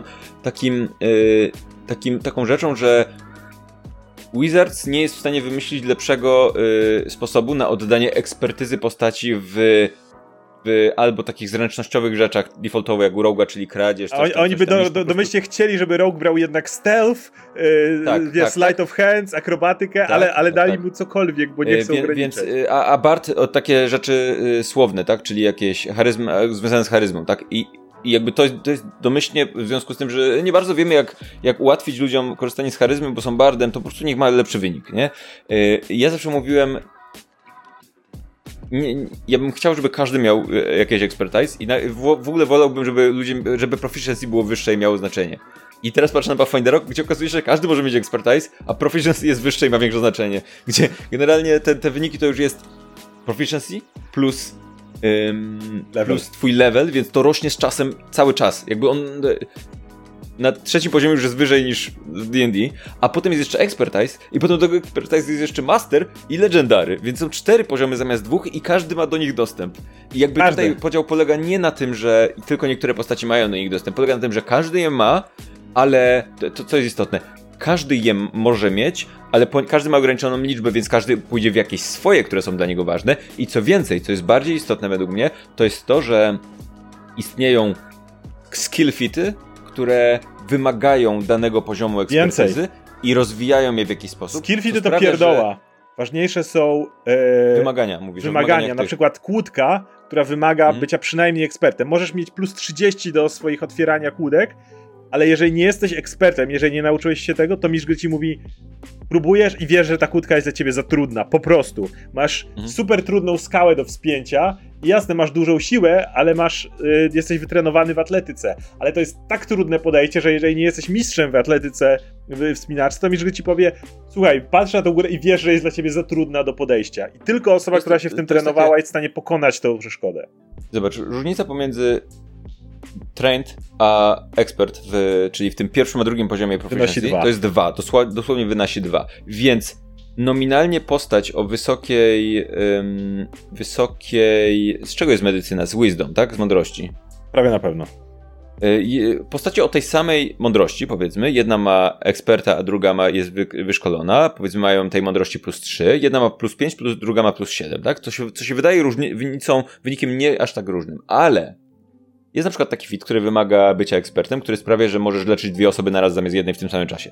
Co sprawia, że ta osoba, która ma eksperta, do tego eksperta może dobrać, i to jest więcej fitów, jest generalnie każdy Sa, samo leczenie ran, tych, tych. Samo leczenie ran mające eksperta pozwala ci zaryzykować większy rzut i uleczyć więcej, po prostu, ale musisz tak, mieć eksperta. Tak, tak, to samo w sobie, ale jeszcze dodatkowo, jeżeli chcesz jeszcze bardziej to wybustować i jeszcze bardziej zrobić, że to jest definiująca cecha mojej postaci, to jest to, to możesz wziąć tego fita, który wymaga tego wysokiego wyszkolenia, których prawdopodobnie ten ktoś nie będzie traktował priorytetowo, bo można, zwłaszcza te dwa ostatnie, można bardzo rzadko, tak? Tylko dopiero, dopiero po pewnym czasie tam możesz zrobić um, ten, tego legendarnego i tego um, mastera. I, i, i wszyscy w tym, nawet ci, którzy mają dostęp jak rok do większej ilości, do momentu, w którym wchodzą na wyższy poziom wyszkolenia, dochodzą w, dokładnie w tym samym momencie, co hmm. inne postacie. Więc Rogue będzie ekspertem w więcej rzeczy naraz, ale nigdy nie przeskoczy wyżej w czymś niż inna postać, co powoduje, że masz ten theme, że jeżeli jesteś kapłanem i szkolisz się w tej religii, to nagle nie wyskoczy ci Rogue, który jest w tym od ciebie lepszy.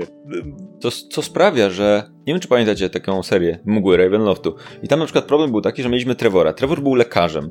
Pięć miała taką samą mądrość jak on i, i nie pamiętam, czy miała proficiency, ale generalnie generalnie jakby różnica wiedzowa w niektórych tematach między Trevorem a Pins wynikała wyłącznie z tego, że po prostu Oscar dawał w kwestiach medycznych Adamowi mniejszy poziom trudności, bo w jego backstory było to, że jest lekarzem, nie? Czy, za, czy dawał mu więcej informacji, no bo jakby, no to było logiczne, że jako lekarz wiedział więcej, tak? Więc trochę, to jest trochę taka dziwna sytuacja, która myślę, że będzie się powtarzać generalnie, jeżeli myśli, jeżeli czytacie sobie na przykład zasady Pathfindera. Wiele zasad Pathfindera w bardziej logiczny i sensowny i bardziej satysfakcjonujący według mnie sposób realizuje, pozwala ci realizować pewne fantazy klasy, bo poza tym, że masz plus tam ileś, i możesz sobie powiedzieć, ustalić z mistrzem gry, hej, słuchaj, mój posta moja postać jest medykiem, więc jak będą pytania o kwestie medyczne, to mi dawaj więcej informacji, bo to logiczne i, i to jest takie bardzo miękkie, to tutaj konkretnie ta postać, która jest medykiem, może sobie wziąć fit medyk i mieć konkretne fity związane z, którym, z tym, że jest medykiem, no. bo to nie sprowadza się tylko do tego wyniku, tylko masz konkretne rzeczy, Wyszkolenie. postać za pomocą tych fitów możesz konkretne rzeczy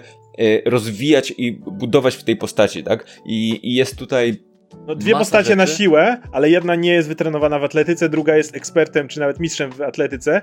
To masz dwie postacie, są generalnie silne, ale tylko jedna z nich wie, jak naprawdę swoje siły nawet, użyć. Nawet, nawet wiesz, na, a biorąc pod uwagę skill fity, które domyślnie jakby, wiesz, na pewnym etapie dostajesz skill fit na jakiś tam wysoki poziom, tak. no to czy będziesz go marnować na skillach, z którym masz wyszkolony tylko, na pierwszolevelowego, jak już masz dostęp do tam któryś czwartolevelowych na, y, na...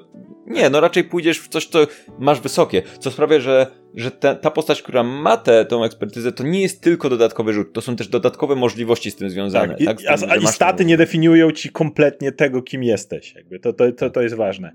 I e, to wszystko łączy się, bo ja chcę jeszcze e, powiedzieć koniecznie o perspektywie DMA na ten system, ale to wszystko łączy się też z e, systemem krytyku, krytycznych rzutów i krytycznych porażek, który też jest bardzo rozbudowany w porównaniu do D&D. W D&D mamy tak, że robimy rzut, jeżeli robimy naturalną dwudziestkę, to jest to kryt.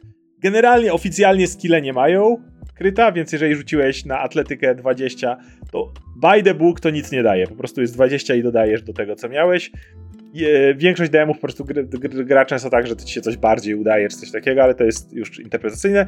Jedynka znowu e, przy trafieniu to jest zawsze pudło, a dwudziestka zawsze kryta, ale przy skillach też nominalnie to jest po prostu słaby rzut. I tyle. Nie ma nic więcej. Natomiast w Pathfinderze to łączy się również z systemem budowania encounterów. Już za chwilę do tego dochodzę. Jest tak, że jeżeli twój rzut przekroczył o 10 wymaganie, które miałeś, czy to była klasa pancerza przeciwnika, czy to był stopień trudności wspinaczki, czy to była, nie wiem, leczenie kogoś, to to jest krytyczny sukces. Dwudziestka również daje ci potencjalnie krytyczny sukces. Nie zawsze, ale nie będę teraz wchodził, bo to już jest szczegół. E, ale to jest krytyczny sukces. Natomiast jeżeli zwaliłeś o, 20, o, o 10 w dół, czyli na przykład wymagania tego były 20, a, a twój całkowity wynik to 10, to jest krytyczna porażka. To z kolei sprowadza się do tego, że ten plus dwa, które masz, może nie ma wielkiego wpływu na to, czy twojej postaci coś się może udać, ale być może właśnie przepycha cię do krytycznych sukcesów. I to jest super istotne. I to jest coś, na przykład ten. Y, jeżeli masz gościa, który jest e, wytrenowany, który jest mistrzem, to różnica między nimi jest 4.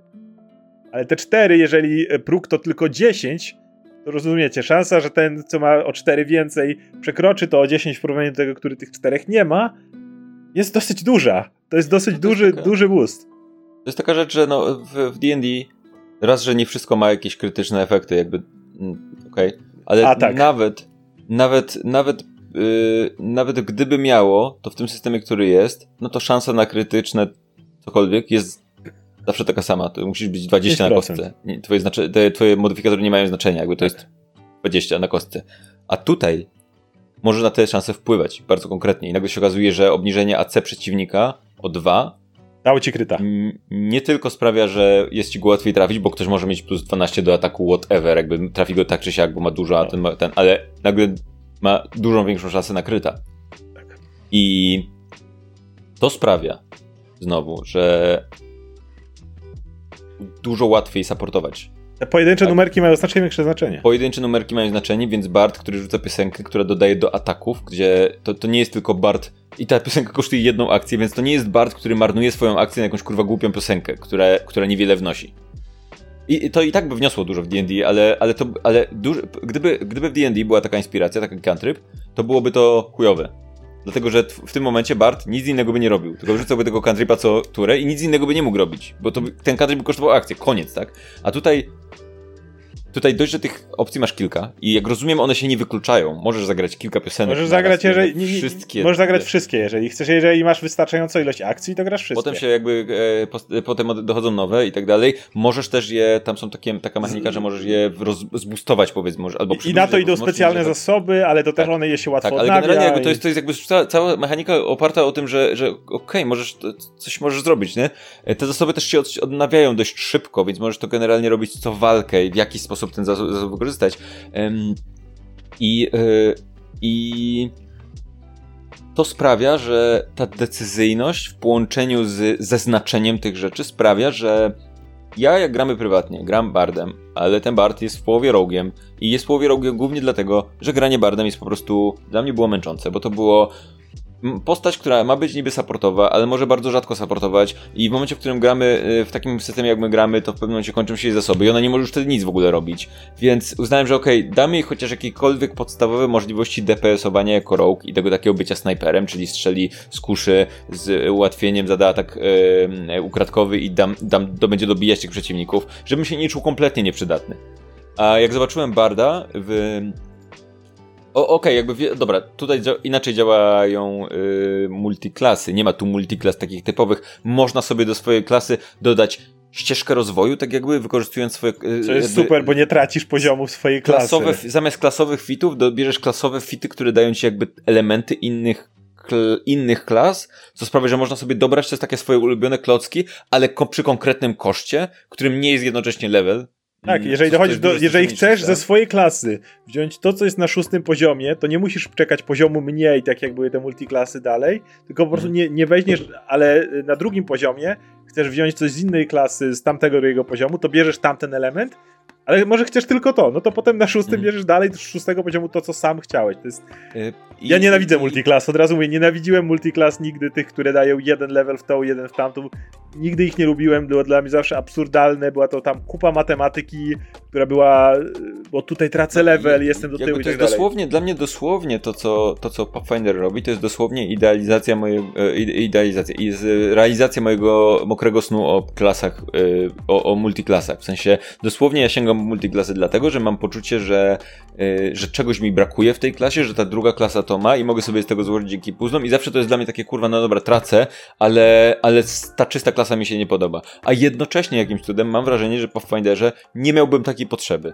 Bo tam mogę to zrobić, to jest zrobione lepiej, ale jednocześnie jak zobaczyłem Barda, to stwierdziłem, ja nie chcę, żeby ten Bard był w połowie rogiem, bo mam tam takie zajebiste rzeczy, które mogę korzystać cały czas, tak, tak ciekawe supportowe możliwości, że myślę, ja pamiętam, że mieliśmy taki moment, kiedy ja miałem taki pomysł na stworzenie postaci w D&D pod tytułem yy, postać, która ma jakieś w związku z czymś, jakąś przeszłością, trudno powiedzieć, jakieś generalne śluby, czy coś takiego, że nie może krzywdzić innych. Nawet najgorszych, tak? Ale może, yy, może tylko pomagać, więc jest takim supportem, który nie jest w stanie nawet tylko supportuje. Nie zrobi krzywdy nikomu, tak? Yy, ale może pomagać tym, którzy robią krzywdę komuś innemu, więc to jest takie trochę, wiesz. Ale yy, i próbowałem i nagle się okazało, że nie dałoby się tego właściwie zrobić bez jakiegoś homebrew nie. takiego solidnego homebrew, że, że musisz przerobić jakąś kantryperze po prostu, żeby nie zadawała obrażeń, ale robiła efekt, wziąć, wziąć ym, tą kantrypę Barda, która zadaje żenujące obrażenia i robi efekt, który jest bardzo rzadko wchodzi, bo jest właśnie jak, jak nie wejdzie, to, to okej, okay, to nic nie stało. E, i możesz go. ona jest słaba sama, słaba sama w sobie, a możesz jej jeszcze odjąć obrażenia, i wtedy masz tą postać. Jakby to jest. I ona może co akcję po prostu. To byłaby postać, która by co akcję próbowała coś zrobić, ale często by nic nie robiła.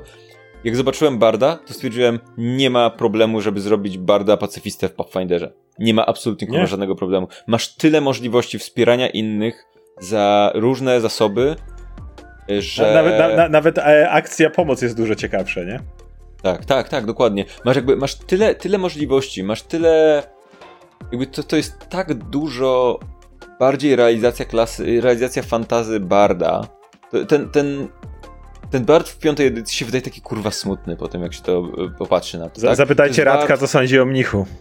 tak, to, no, no. To jest, wiesz, to jest taki, patrzysz na tego, patrzę na tego Barda w piątej edycji, mam takie, no fajnie, że jest ten Bard, może tą piosenkę czasem coś tam zagrać, ale to jest taki Bard, taki zmęczony kurwa życiem, któremu już się nie chce, którym może, czasem Stary kurwa ratuje ta piosenka, czasem kurwa fałszy, fałszy, fałszuje, nie masz gwarancji, że ten efekt zadziała, więc masz czasem takie, okej, okay, zagrałem piosenkę, która ma coś zrobić, ale nie zrobiła, okej. Okay. Tu nie mam tego, tak? Tu nie ma rzutu, czy mi się uda, czy nie. Tutaj po prostu mam, okej, okay, tutaj, tutaj, tu zabawa polega na decyzyjności, w jaki sposób chcę pomóc drużynie moją piosenką, a nie czy to się uda. Czy mnie stać na to w ogóle właściwie? Może potem pomogę, może potem zagram, bo już mam, ty, bo, bo, bo może będzie smok i wtedy może będzie ważniejsze, żeby zagrać. Więc mam to poczucie, że mogę się skupić na tym odgrywaniu jebanego barda, a nie tego barda, który właściwie już nie wie, czy chce być bardem, nie? Okej, okay. no. więc zbliżamy się do dwóch godzin i pogadaliśmy o postaci, ale muszę, po prostu muszę powiedzieć o perspektywie mistrza gry. Bo to jest też coś, co mi bardzo jakby sprzedało ten system. Szczególnie, w, znowu, cały czas w perspektywie Foundry, gdzie mogę szybko znaleźć wszystkie elementy, sprawdzić. Poziom przygotowywania sesji w D&D jest niebotycznie bardziej czasochłonny. Jeżeli chcemy zrobić naprawdę, wiecie, możemy usiąść i improwizować. W każdym systemie możemy to zrobić. Potrzebujemy tego niczego, ale jeżeli już mówimy o systemie i chcemy naprawdę zrobić, wiecie, wyzwania, rzuty, tego typu sprawy, to, to, to, to nawet nie jest blisko. D&D bardzo oceniałem przez długi czas to, że oni dali stosunkowo skromny, jak na cały czas duży system zasady, gdzie mistrz gry właściwie może rozstrzygać wszystko. Znaczy zawsze mistrz gry może rozstrzygać wszystko. Problem jest taki, że w piątej edycji mistrz gry też wcale nie ma dużo rzeczy, na których może się oprzeć. Podręcznik mistrza gry to jest śmieć, którego nikomu nie polecam, który większość pierwsze rozdziały ma o budowaniu swojego świata. Super. E, Encounter Builder to jest żart, dlatego że y, gra jest niezbalansowana, to jeszcze dwa słowa za chwilę. I nagle się pojawił ten, w Stanach były te badania o tym, że y, jest kryzys mistrzów gry. Że generalnie y, wiadomo, że chcesz, żeby na, y, w drużynie na cztery osoby przypadał mniej więcej jeden mistrz gry, bo to jest standardowa drużyna. Albo dużo poniżej tego. Nikt nie chce być mistrzem gry generalnie w piątej edycji.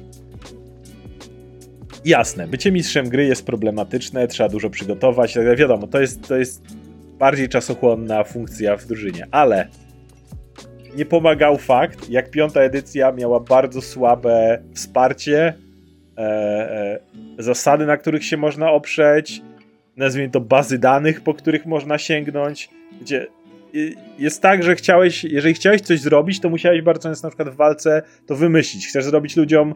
E, oj, kod rzucił mikrofon. Chcesz zrobić ludziom na przykład system ucieczki.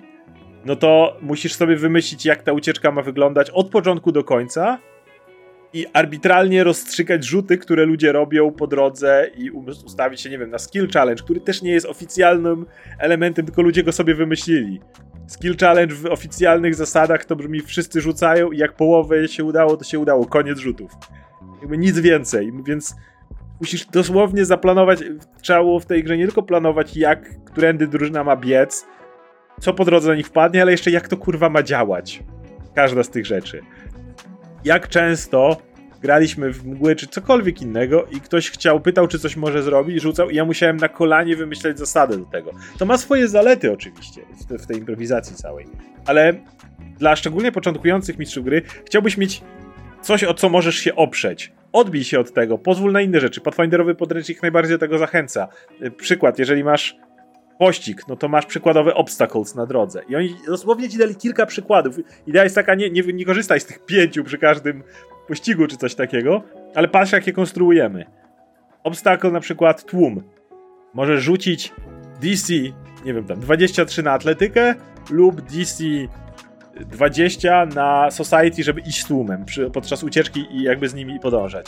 Ale jednocześnie jest napisane, ale zachęcaj graczy do tego, żeby kreatywnie wymyślić inne rzuty, jeżeli mają pomysł na coś innego, nie wiem, ktoś jest akrobatyczny i chce, jest mnichem i chce po głowach ludzi powiedz, cokolwiek Zachęca ich do tego, żeby to wymyślili. Skrócone karki. Tak. Ale tu masz bazę, nie? Tutaj masz, w razie czego możesz to położyć nawet na stole, jeżeli gracze są nowi na przykład, nie wiedzą, nie mają pomysłów i, i zasugerują im, słuchajcie, tu są dwa, dwie najbardziej oczywiste drogi. Dwie najbardziej oczywiste rozwiązania, które jakby każdy z was widzi. Jeżeli chcecie, możecie ich użyć. Jeśli nie, go, wiesz, go wild, nie? Jakby, jakby zróbcie, ale, ale, ale non-stop jak czytam Pathfindera i sięgam po te wszystkie rzeczy, mam wrażenie, że za każdym razem, kiedy chciałbym coś zaplanować, to mam zajebiście wielką bazę, bazę danych właśnie, jakieś takie odbicie się, na którym mogę stanąć i, na bazie tego tworzyć własne rzeczy i na bazie tego y, improwizować, na bazie tego y, robić własne rulingi, tak jak to mistrz gry powinien robić, ale po prostu to jest ogromne i o czym gadaliśmy obaj zajebiście splaytestowane.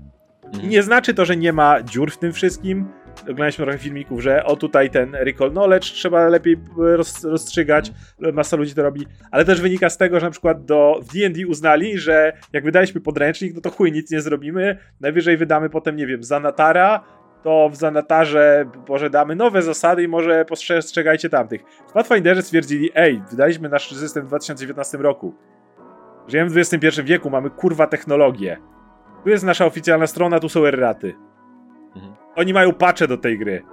W online'owe. Możesz mieć podręcznik i możesz być zły wtedy, że nie ma tam tych rzeczy, ale z dwojga złego naprawdę wolisz mieć podręcznik, który ma niedziałające, słabo działające zasady i i gnuśnić się w tym, czy wolisz mieć grę, która dynamicznie się zmienia i twórcy playtestują i jak zauważają, że ej, ten czar jest gówniany, nikt go nie używa w tym stopniu, to wydają ci nową wersję tego czaru bez nowego One D&D, które musi wyjść za 8 lat. Zwłaszcza, że, zwłaszcza, że i tutaj, tutaj jakby też mam kilka takich rzeczy, które jakby nie, nie patrzymy na to przez różowe okulary absolutnie, nie? I na przykład jeden z minusów jest to, że generalnie podręcznik jest dość nieczytelny, a nie. strona, oficjalna strona z zasadami jest kompletnie nieczytelna. Dużo lepsze jest wsparcie w Foundry. Jakby generalnie jak chcę przeglądać, nie przeglądam strony, gdzie są wszystkie te informacje, tylko Foundry. Tak. E, co nie zmienia faktu, że na przykład przy tej całej okazji jest taki serwis, którego nazwy podobno nie powinno się wymawiać, związany z D&D, w którym są wszystkie pirackie treści, ale jest lepszy niż cokolwiek. I teraz powstał serwis bliźniaczy na bazie tych samych kryptów, open Wygląda i tak dalej, który nazywa się Pathfinder 2 Tools, wy, wygooglajcie sobie. I to są jakby oficjalne zasady udostępnione online, które po prostu ktoś zrobił narzędzie, które pozwala jej proste prze przeglądanie ich, e, prostą bazę zasad e, interaktywną z filtrami, nie filtrami i tak. I to jest super wygodne. Tak długo jak nie ma tam przygód, myślę, że Python nie będzie miało z tym problemu, tak, bo tak. to jest wszystko to, co oni też udostępniają za darmo, wiesz, wiecie, w wielu miejscach. Tak jak oni nie zaczną tam wrzucać pirackich przygód, mhm Wydaje mi się, że to jest e, legalne, tak. że tak powiem. Więc, więc o, tam jest licencja w ogóle, więc wydaje mi się, że to jest cały czas na tych tak. Tak, tak. I, e, i mm, e, na stronie, w sensie jest tam podlinkowana na dole, nie? I, I, wydaje mi się, że to jest takie coś, okej, okay, no i jasne, masz, to, bo to jest tak, jeżeli kupisz podręcznik do D&D i D&D chce wprowadzić erratę, to generalnie jesteś w dupie, tak? Bo jedyne co możesz zrobić, to możesz kupić ten podręcznik jeszcze raz D&D Beyond, żeby mieć nową wersję. A tu jest tak, że okej, okay, masz podręcznik, ale masz też za darmo to narzędzie w internecie i, i tą zaktualizowaną wersję, którą po prostu masz. Nie musisz nic dopłacać, żeby tak. ją mieć, tak? Jakby nie musisz. To tyle, jakby koniec, wystarczy, tak? Wydaje mi się, że tutaj taka paradoksalnie taka pułapka to może być też to, że.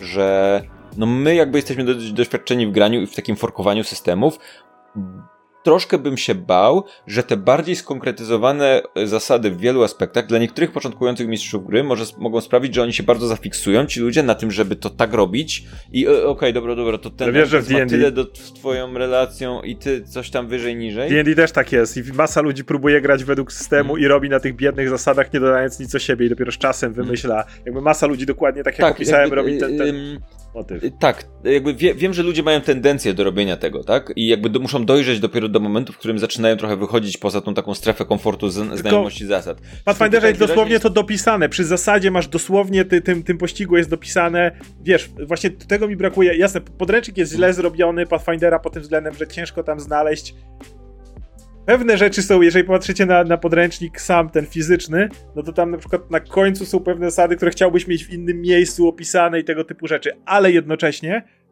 D&D podręcznik jest zrobiony tak, że yy, gdzieś tam jest informacja w podręczniku Mistrza Podziemi o tym, że stosuj zasady jakie chcesz, bo jesteś mistrzem podziemi, nie? W Pathfinderze masz to dopisane przy bardzo wielu zasadach. Masz ten pościg i jeszcze w y, tłumaczeniu zasady pościgu masz dopisane. Pamiętaj, dawaj graczom inne e, opcje, niech sobie wymyślają, nagradza ich za to niższym DC na przykład, nie? Mhm. Dosłownie masz zawarte te porady dla DM-a w zasadzie tego, tej rzeczy, która jest sprecyzowana. Mhm.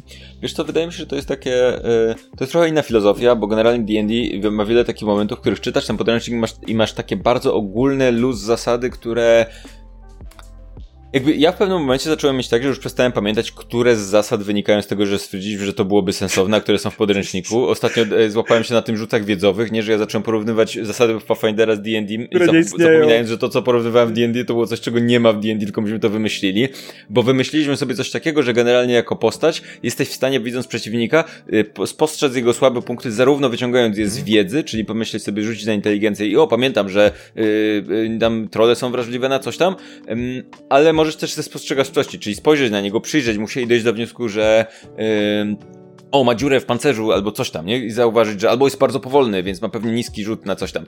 Yy, czego potem i tak nie robisz, bo tak naprawdę to kosztuje akcję, więc chcesz zaatakować, jakby koniec końców. Yy, ale fajnie, że to wymyśliliśmy. Tak, to fajnie było, że to wymyśliliśmy, nigdy to nie, nie nastąpiło. Jakby nigdy się nie zdarzyło właściwie, nie? Yy, a tutaj, ma, tutaj to filozofia jest trochę inna, tu więcej rzeczy jest zapisanych bardzo konkretnie i momentami mam wrażenie, że wręcz... Mm, wręcz mo może za bardzo konkretnie, w takim sensie, że jakby ja rozumiem, dlaczego to jest, e, ale po prostu obawiałbym się, że ludzie, którzy nie do końca zauważą pewne rzeczy, mogą się zacząć trzymać tego zbyt strict jakby i w D&D w sytuacjach, w których tam są gigantyczne dziury w tym, co możesz zrobić, jakby naturalniejsze jest, że zaczniesz się uzupełniać, a tu może być tak, że część ludzi może mieć takie, kurwa, to może nie zmieniajmy, bo coś tam. Po latach prowadzenia twojego złego zdecydowanie wolę w tą stronę. Myślę, że lepsza jest Pathfinderowa wersja, przy tym myślę, że dla wielu osób to będzie wymagało takiego bardzo, e, wiesz... e, Jest Znowu, jest zawsze info, pamiętaj, niech robią swoje, jakby zawsze tak, masz... Tak, ten... są tam takie rzeczy w rodzaju tego, że masz na przykład rzuty, które są nominalnie identyczne w Pathfinderze, ale służą innym rzeczom i na przykład w, w, w piątej edycji masz rzut na przekonywanie, które służy generalnie do wszystkiego, tak? Po prostu jeżeli nie kłamiesz, to przekonujesz do kogoś do czegoś. Tutaj masz rzuty na y, robienie wrażenia na drugiej osobie i na poproszenie jej konkretnie o jakąś rzecz. I to jest nominalnie ten sam rzut, bo on jakby wynika z tego tak. samego skilla. Dokładnie masz te same modyfikatory. To jest bardziej informacja dla mistrza gry, któremu tak. jest łatwiej wtedy sobie uporządkować, że okej, okay, to jest postać, która ma neutralne podejście do gracza, więc gracz może ją o coś poprosić, ale to. Ona jakby, pewnie nie zrobi ona, nic ona nie wyjdzie poza swoje obowiązki tak. czy coś takiego, tak? Yy, ale gracz może też rzucić na. Yy. Na, na robienie wrażenia, bo na przykład przychodzi, jest miły, próbuje poprosić o coś i tak dalej i najpierw zrobi wrażenie, jak się okaże, że ten jest tak miły, tak fajny, tak sympatyczną osobą, że od razu skoczy o dwa poziomy, bo rzucił kryta, to potem jak poprosi, to jest ten sam rzut, w sensie taki sam rzut, taki sam, ale kolejny rzut, to już ta prośba będzie dużo łatwiejsza do spełnienia, bo coś tam. Więc to jest jakby bardziej dla mistrza gry do uporządkowania, to jest y, tego, też bardzo co ten wygodne. robi, no bo w D&D ci powie, no masz rzut na przekonywanie, po prostu pomyśl, co ta postać by zrobiła, jakby coś takiego usłyszała, nie? Jakby to jest takie bardzo miękkie w D&D, co mam troszkę, troszkę mam obawę, musimy to testować, mam troszkę obawę, że ten system akurat w przypadku rozmów konkretnie, w przypadku konkretnie rozmów, ten taki prostszy system pod tytułem tak, grajmy to miękko, po prostu rzuć i ja, ja ci powiem, może być trochę łatwiejszy w e, realizacji, ale zobaczymy jak to wyjdzie. Ale jednocześnie nikt nie, nikt nie mówi ci, że musisz się tego systemu zawsze trzymać 100%, tak. jakby, że y, jakie wrażenie zrobiłeś na tym strażniku, coś tam, coś tam, nie? Jakby zakładam, że to są A to rzeczy, jest fajny które... punkt wyjścia które są fajnym punktem wyjścia, ale jeżeli się okaże, że jeżeli, jeżeli dojdziesz do wniosku, że ta postać tak fajnie się przywitała z gościem, to już stwierdzisz, nie, już nikt nie rzuca na to wrażenie, już załóżmy, że po prostu ten jest przyjazny i chuj, jakby niech już prośbę. A teraz highlight na koniec. Z punktu mistrza, widzenia mistrza gry, bo to wszystko, co mówiłem, jest spoko, ale jest jedna rzecz z punktu widzenia mistrza gry, która dla mnie jest właśnie takim momentem, w którym jeżeli mam przygotować teraz sesję z Dungeons and Dragons, to idę do tego, wiesz, jak podchodzę jak pies do jeża i mi się nie chce, a jak do Pathfindera, to mam takie, okej, okay, lecimy. Mhm. To jest system walk, odpoczynków, potworów, magicznych przedmiotów i, i ogólnie rozumianego progresu graczy i poziomu trudności. D&D jest ten system CR. Są już chyba na tym etapie trzy różne oficjalne i masa nieoficjalnych Combat Encounter Builderów, które i tak wszystkie są o kant dupy rozbić. Wynika to z tego, że postacie z D&D, niby macie 20 poziomów w D&D, ale ta gra nie była playtestowana na 20 poziomach. Wszyscy o tym wiedzą. Mhm. Matematyka w D&D, jeśli koślawo, to działa mniej więcej do okolic 10 poziomu. Wszystko powyżej to się robi Wild Wild West. Im bardziej od tego 10 poziomu zaczynacie odbijać, wszystko zaczyna się kompletnie rozlatywać. E, generalnie e, te CR nie mają żadnego sensu. Oni trzymają się tego bound accuracy, czyli generalnie, że wiecie, że nawet goblin na pierwszym poziomie cały czas powinien być w stanie zranić postać na wysokim poziomie i na papierze to jest fajne założenie, które powoduje, że jakby nigdy nie robimy z tego takich bogów, tylko że te postacie trochę i tak się robią, mając super dostęp do super czarów, i, i przez to, i, i mówię, może na papierze to było fajne, ale może trzeba by zrobić do tego jakieś super playtesty, bo mam wrażenie, że jest pod tym względem D&D do, piąta edycja do dzisiaj brzmi jak jakaś beta w porównaniu do Pathfindera, tego jak ta edycja została przetestowana. I w momencie, w którym, e, i tak jak mówię, to się wszystko rozsypuje i tak naprawdę mieliśmy ile pytań, jak zrobić dobry encounter, pomijając fakt, że musisz jeszcze brać pod uwagę te, te nieszczęsne odpoczynki. E, czy twoja drużyna jest wyspana, czy nie? Czy chcesz to robić, żeby to był pierwszy encounter w tym tak zwanym Adventuring Day, czy trzeci encounter? Oczywiście, chyba, że nie masz problemu z regularnym zabijaniem swojej drużyny, bo ups, przegięło mi się. Yy, sorry drużyna, ale postawiłem wam przeciwnika, który myślałem, że będzie ok, ale chyba jednak nie jest.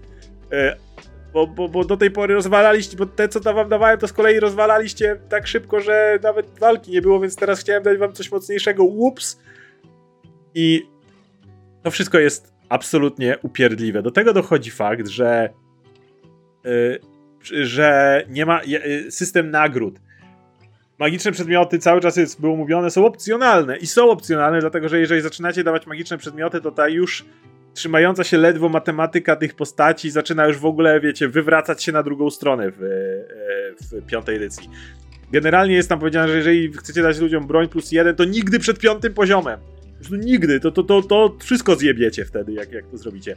A nawet na piątym to lepiej z tym uważać, może lepiej, a może lepiej nie, wiecie. Mamy ich trochę w podręczniku Mistrza Gry, ale one są w ogóle nieprzemyślane.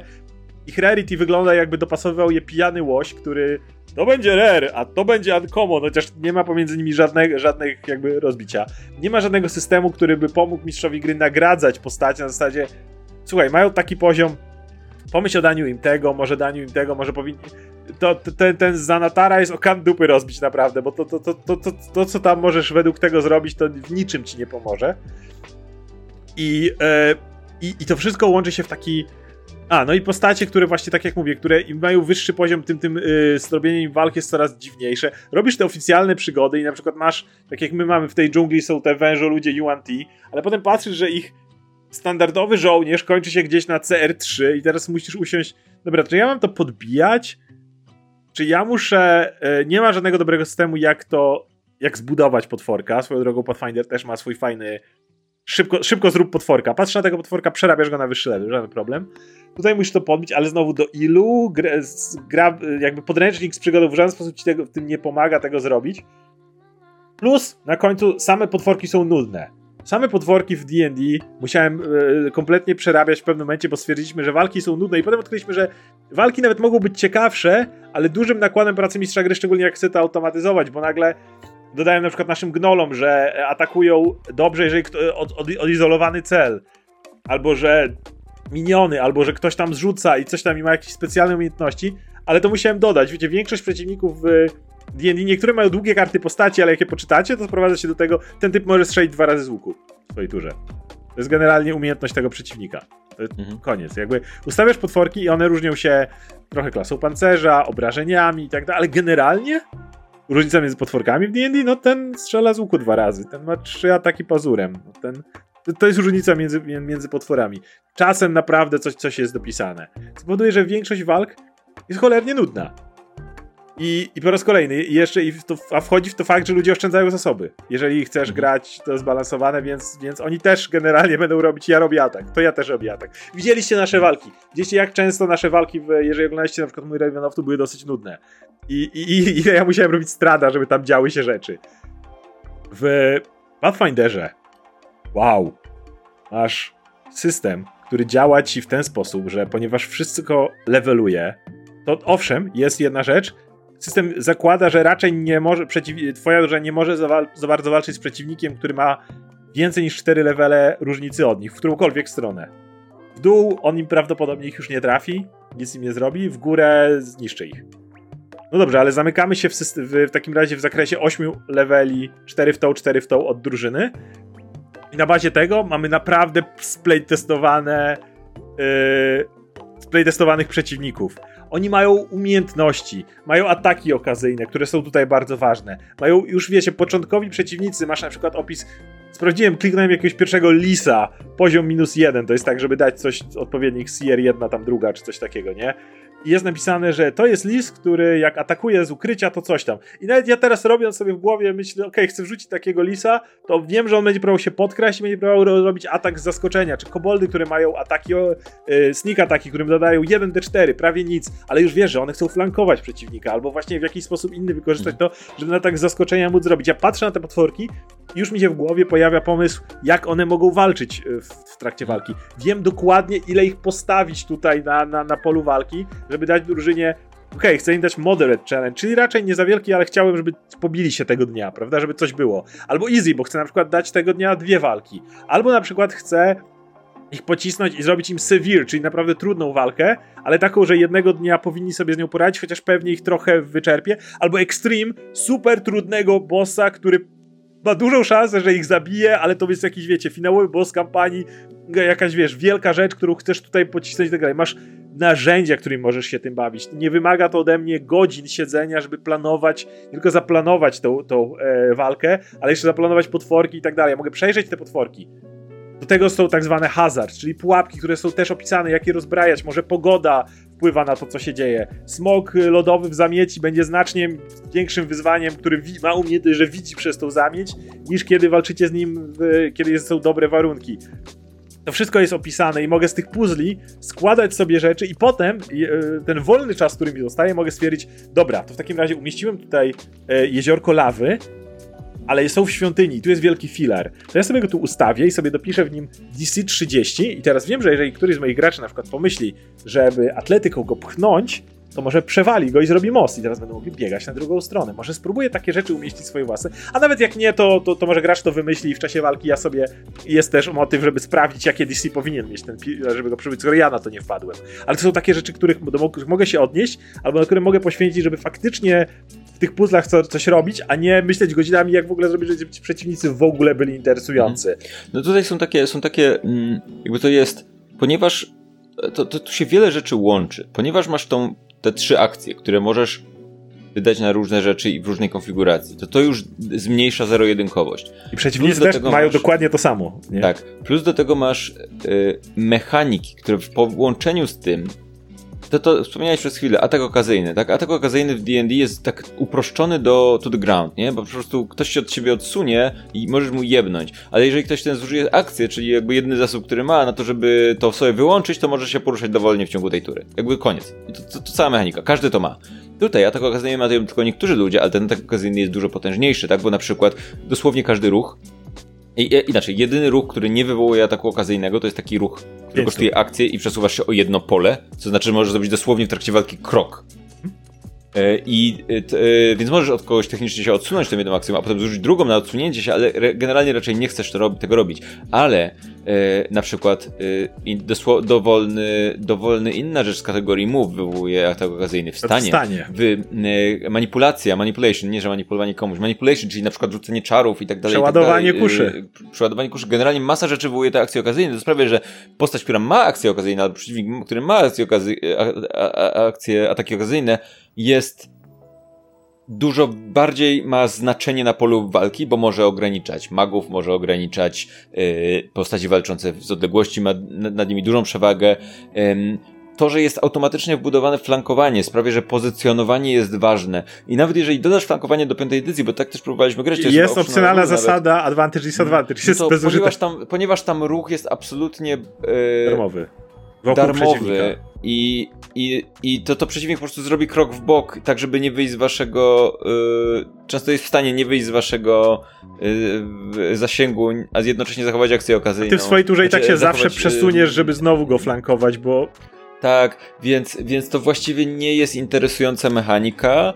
Yy, a jednocześnie też, też jest bardzo trudna, e, o tyle jakby jest w drugą stronę, tak jeżeli gramy z flankowaniem, to przeciwnik ciebie flankuje i też może to zrobić bardzo łatwo, co sprawia, że właściwie przez całą walkę czujesz się uwalony, a tutaj to jest bardzo konkretna rzecz, możesz to skontrować w odpowiedni sposób, możesz to, yy, możesz to, możesz przesuwać tych przeciwników, a przesunięcie go oznacza, że powrót do akcji okazyjnej zaczyna być yy, dużo bardziej kosztowny, a jeżeli w ogóle...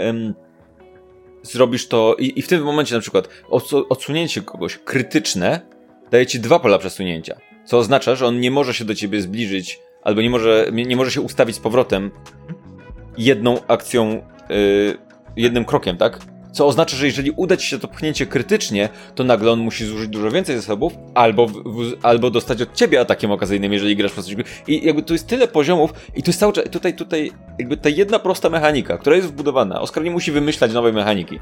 Nie musi wymyślać customowej rzeczy na potworkach, żeby coś tam. Ta jedna wbudowana e, mechanika jest tak z jednej strony prosta w swoich założeniach, ale z drugiej dająca tyle możliwości, że, że nagle te walki są ciekawe, potencjalnie dużo ciekawsze, nawet bez żadnych specjalnych ale, customowych rzeczy. Nie? Ale ja przeglądam masę tych potworków, jeszcze im wyżej, tym jakby ich stopień zaawansowania rośnie. Mówię, mogę dać jednego przeciwnika, który, który i action economy nie będzie problemem, przez to, że on ma plus większe do trafienia, no bo level ma wyższy. Więc dzięki temu on na przykład jego uderzenia dalej, i tutaj na przykład uderzenia będą go pewnie trafiać, ale znowu leczenie ma większe znaczenie, ale już nie będziemy w to wchodzić. E, ale na przykład jego zagrożenie jest takie, że jak ktoś ma małą klasę pancerza, no to będzie walił mocniejsze kryty, więc ten extreme przeciwnik pojedynczy będzie super trudny i trzeba naprawdę uwalać go tak jak się da, osłaniać swoich ludzi, żeby w ogóle mieć szansę go pokonać, nie? Żeby, żeby, żeby, żeby, żeby, żeby, żeby z nim walczyć. Możesz dać jednego gościa, możesz to podzielić na kilku przeciwników, możesz robić to, możesz zrobić tamto.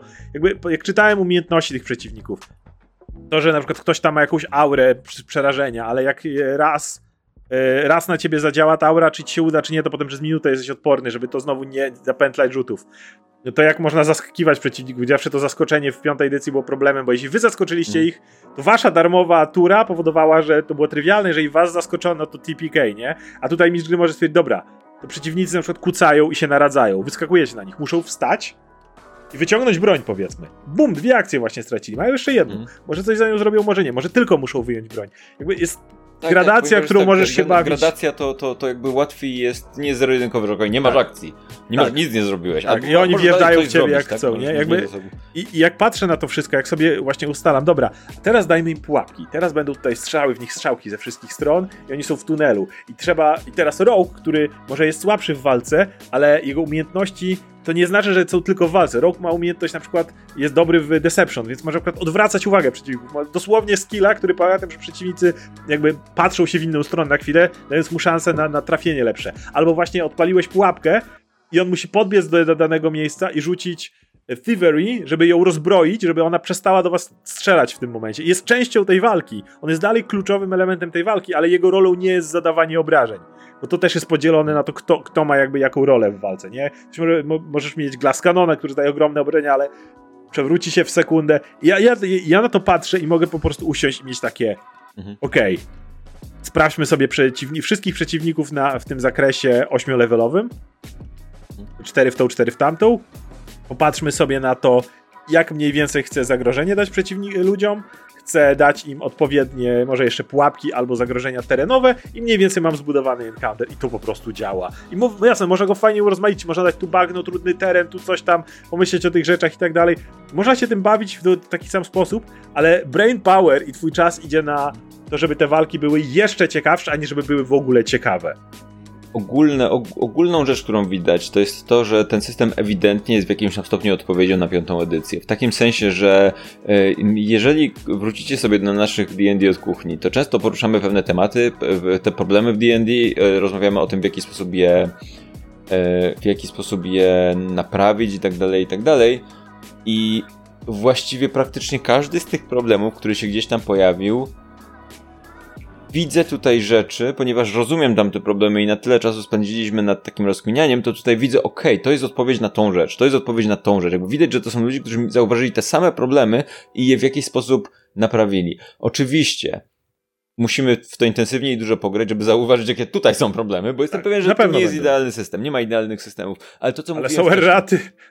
Tak, to, to, co, to, co mówiłem wcześniej, tak? Nie ma znaczenia, yy, miejsce, w którym się dokładnie znajdujesz, większe znaczenie ma miejsce, w którym się rozwijasz i jak to idzie, tak? I tutaj widzę, że to są ludzie, którzy świadomie odpowiedzieli na pewne kwestie, splaytestowali to i jeżeli coś będzie stanowić problem w tym systemie, to wierzę, że jakby ten problem jest rozwiązywalny. I tu problem jest, jakby w D&D problem jest to, że tam nie czuję, że to się poprawia i że ktoś to chce zmienić i że to się rozwija. No, One D&D jest tam... teraz odpowiedzią, po ilu latach, nie?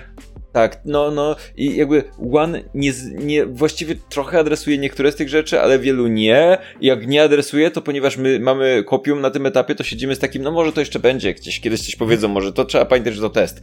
Ale jakby, no okej, okay, no ale to jest, to, to, to, gdyby oni wiedzieli, że te problemy są, to już by to od razu dali, jakby gdyby, gdyby mieli świadomość tego, a nie, a nie wypuszczali coś, co jest testem i właściwie nie, nie trzeba na to patrzeć, nie? Więc mam poczucie, że nawet jeżeli, ym, że, że że dalej z D&D to byłoby tylko więcej naszego naprawiania kolejnych problemów a tutaj mam taką świadomość, że nawet jeżeli tu będzie kilka rzeczy do zmienienia, poprawienia homebrew i tak dalej, i tak dalej, bo pewnie dotrzemy do tego momentu, gdzie Na się do, dowiemy jakie, to to przynajmniej jakby nie będzie robione wbrew temu, co twórcy wymyślają w tej grze, żeby ją za wszelką cenę naprawić, tylko może będzie uzupełnieniem tego, co twórcy i tak robią, nie? Będziemy w przyszłości robić kolejne materiały naszego RPG od kuchni, gdzie będziemy gadać o naszych doświadczeniach. Kolejnych z Pathfinderem na przykład jedną rzeczy chcę spróbować, system nie milestone'ów, który robiliśmy w D&D, ponieważ ich system dodawania punktów doświadczenia był no koślawy generalnie, jak, jak masa rzeczy był związana z tym, ile potworek jest wart expa, potem skalkuluj to na odpowiednią ilość rzeczy i tak dalej, a w Pathfinderze to jest po prostu tysiąc doświadczenia co level i w zależności od walki, ona jakby, potworki mają przypisanego doświadczenia, tylko w zależności od stopnia trudności walki, pułapki, celu, który osiąga. Milestone'y też jakby dostajesz expa tylko w y, odpowiednich miejscach, ale to są stałe liczby. Jeżeli wiesz, że na przykład y, za duże osiągnięcie w trakcie sesji udało się zrobić duże założenie sesji, jednej sesji, nagradzasz ludzi 80 expa, no to zdajesz sobie sprawę, że to jest 80 z tysiąca, zawsze, nie musisz pomyśleć teraz matematyka, wiesz i tak dalej. Duże osiągnięcie 80, koniec, nie? Jakieś pomniejsze 20 na przykład, możesz sobie je dodawać albo nie dodawać, możesz robić tego typu rzeczy. I, i oczywiście całej drużynie dajesz naraz, nie, nie ma tak, że to się jakoś mhm. rozjeżdża czy coś takiego.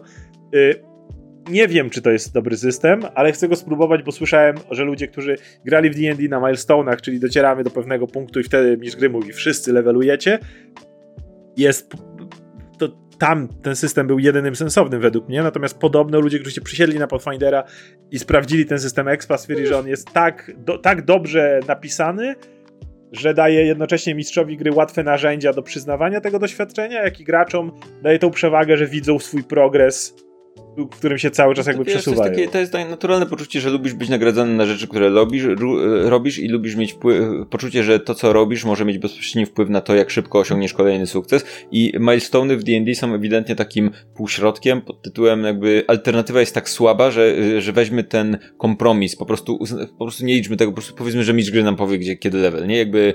Bo też nie chcesz... Ale, ale jeżeli jest system, który działa, to on jakby wie, że w pełni, że on jest lepszy niż milestone. Tak, bo mistrz gry nie chce przypadkiem wyjść za ten dziesiąty level. Za daleko. Ups, nie mogę, nie możecie stawać expo, bo jeszcze zrobicie po 10 level, a ta kampania się rozjedzie. A tutaj, jeżeli to faktycznie idzie do 20 poziomu, to na przykład, więc będziemy tego typu rzeczy sprawdzać, więc jeszcze o tym pogadamy. To jest tak, jest już cholernie długi materiał, więc, e, mhm. e, więc, więc chcieliśmy pogadać o tym, ale na razie obaj jak tak przeglądamy i, i, i wkopujemy się w kolejne systemy i w kolejne elementy, to jest duży, duży system, ale jednocześnie Foundry z całym swoim wsparciem i z tym, jak łatwo możemy to przypisać. Wczoraj na przykład mhm. sprawdzałem formy druida, jak się zmienia, nie? Otwierasz formę druida, bierzesz efekt elemental ognia i co robisz? To co ze wszystkim. Przeciągasz go na kartę, na, na e, token swojej postaci. Bum! Zmienia mu się wygląd, rośnie do, do tokena ele, elementala ognia, dostaje specjalne ataki, jego stare ataki znikają, zmieniają się jego statystyki, ja tak patrzę. Buh, wiesz, to wszystko, to wszystko po prostu zadziałało, więc jakby mając to wszystko dostępne, przez to nam to bardzo ułatwia robotę i możemy dużo szybciej, dużo łatwiej jakby to wszystko przyswoić.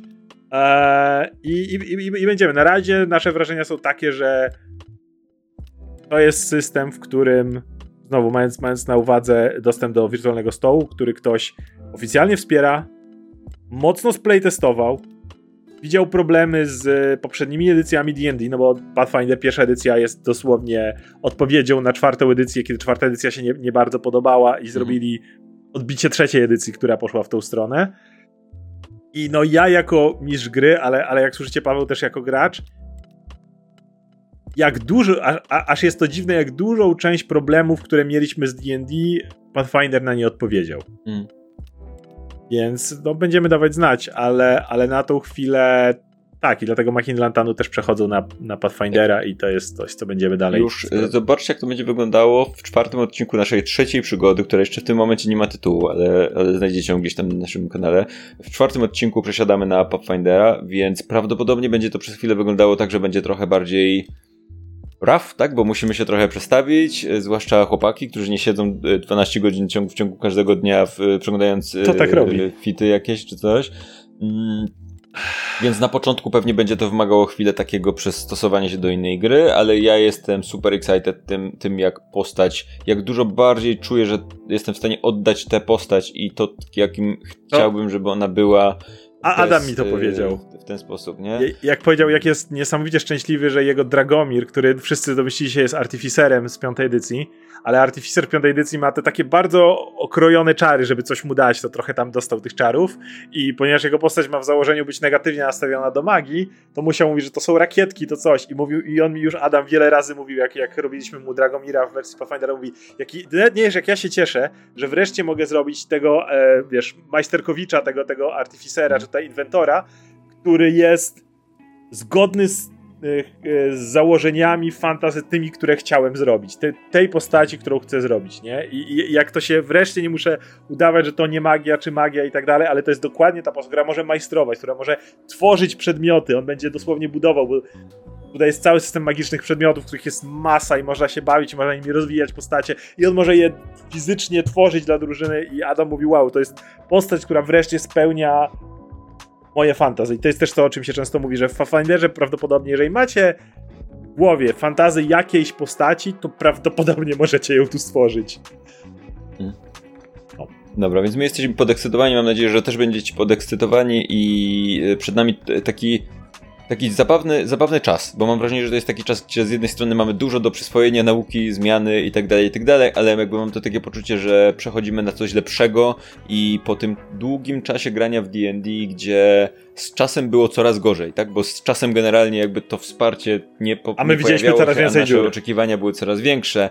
Mm, przesiadamy się na coś, co, co no, mówię, wymaga od nas pewnej inwestycji czasowej, ale liczymy na to, że zwróci się szybko i fajnie. Także dla wszystkich, którzy przebrnęli ten, tą kobyłę materiałową, bardzo dziękujemy i zapraszamy do śledzenia naszych postępów w kolejnych RPG od kuchni.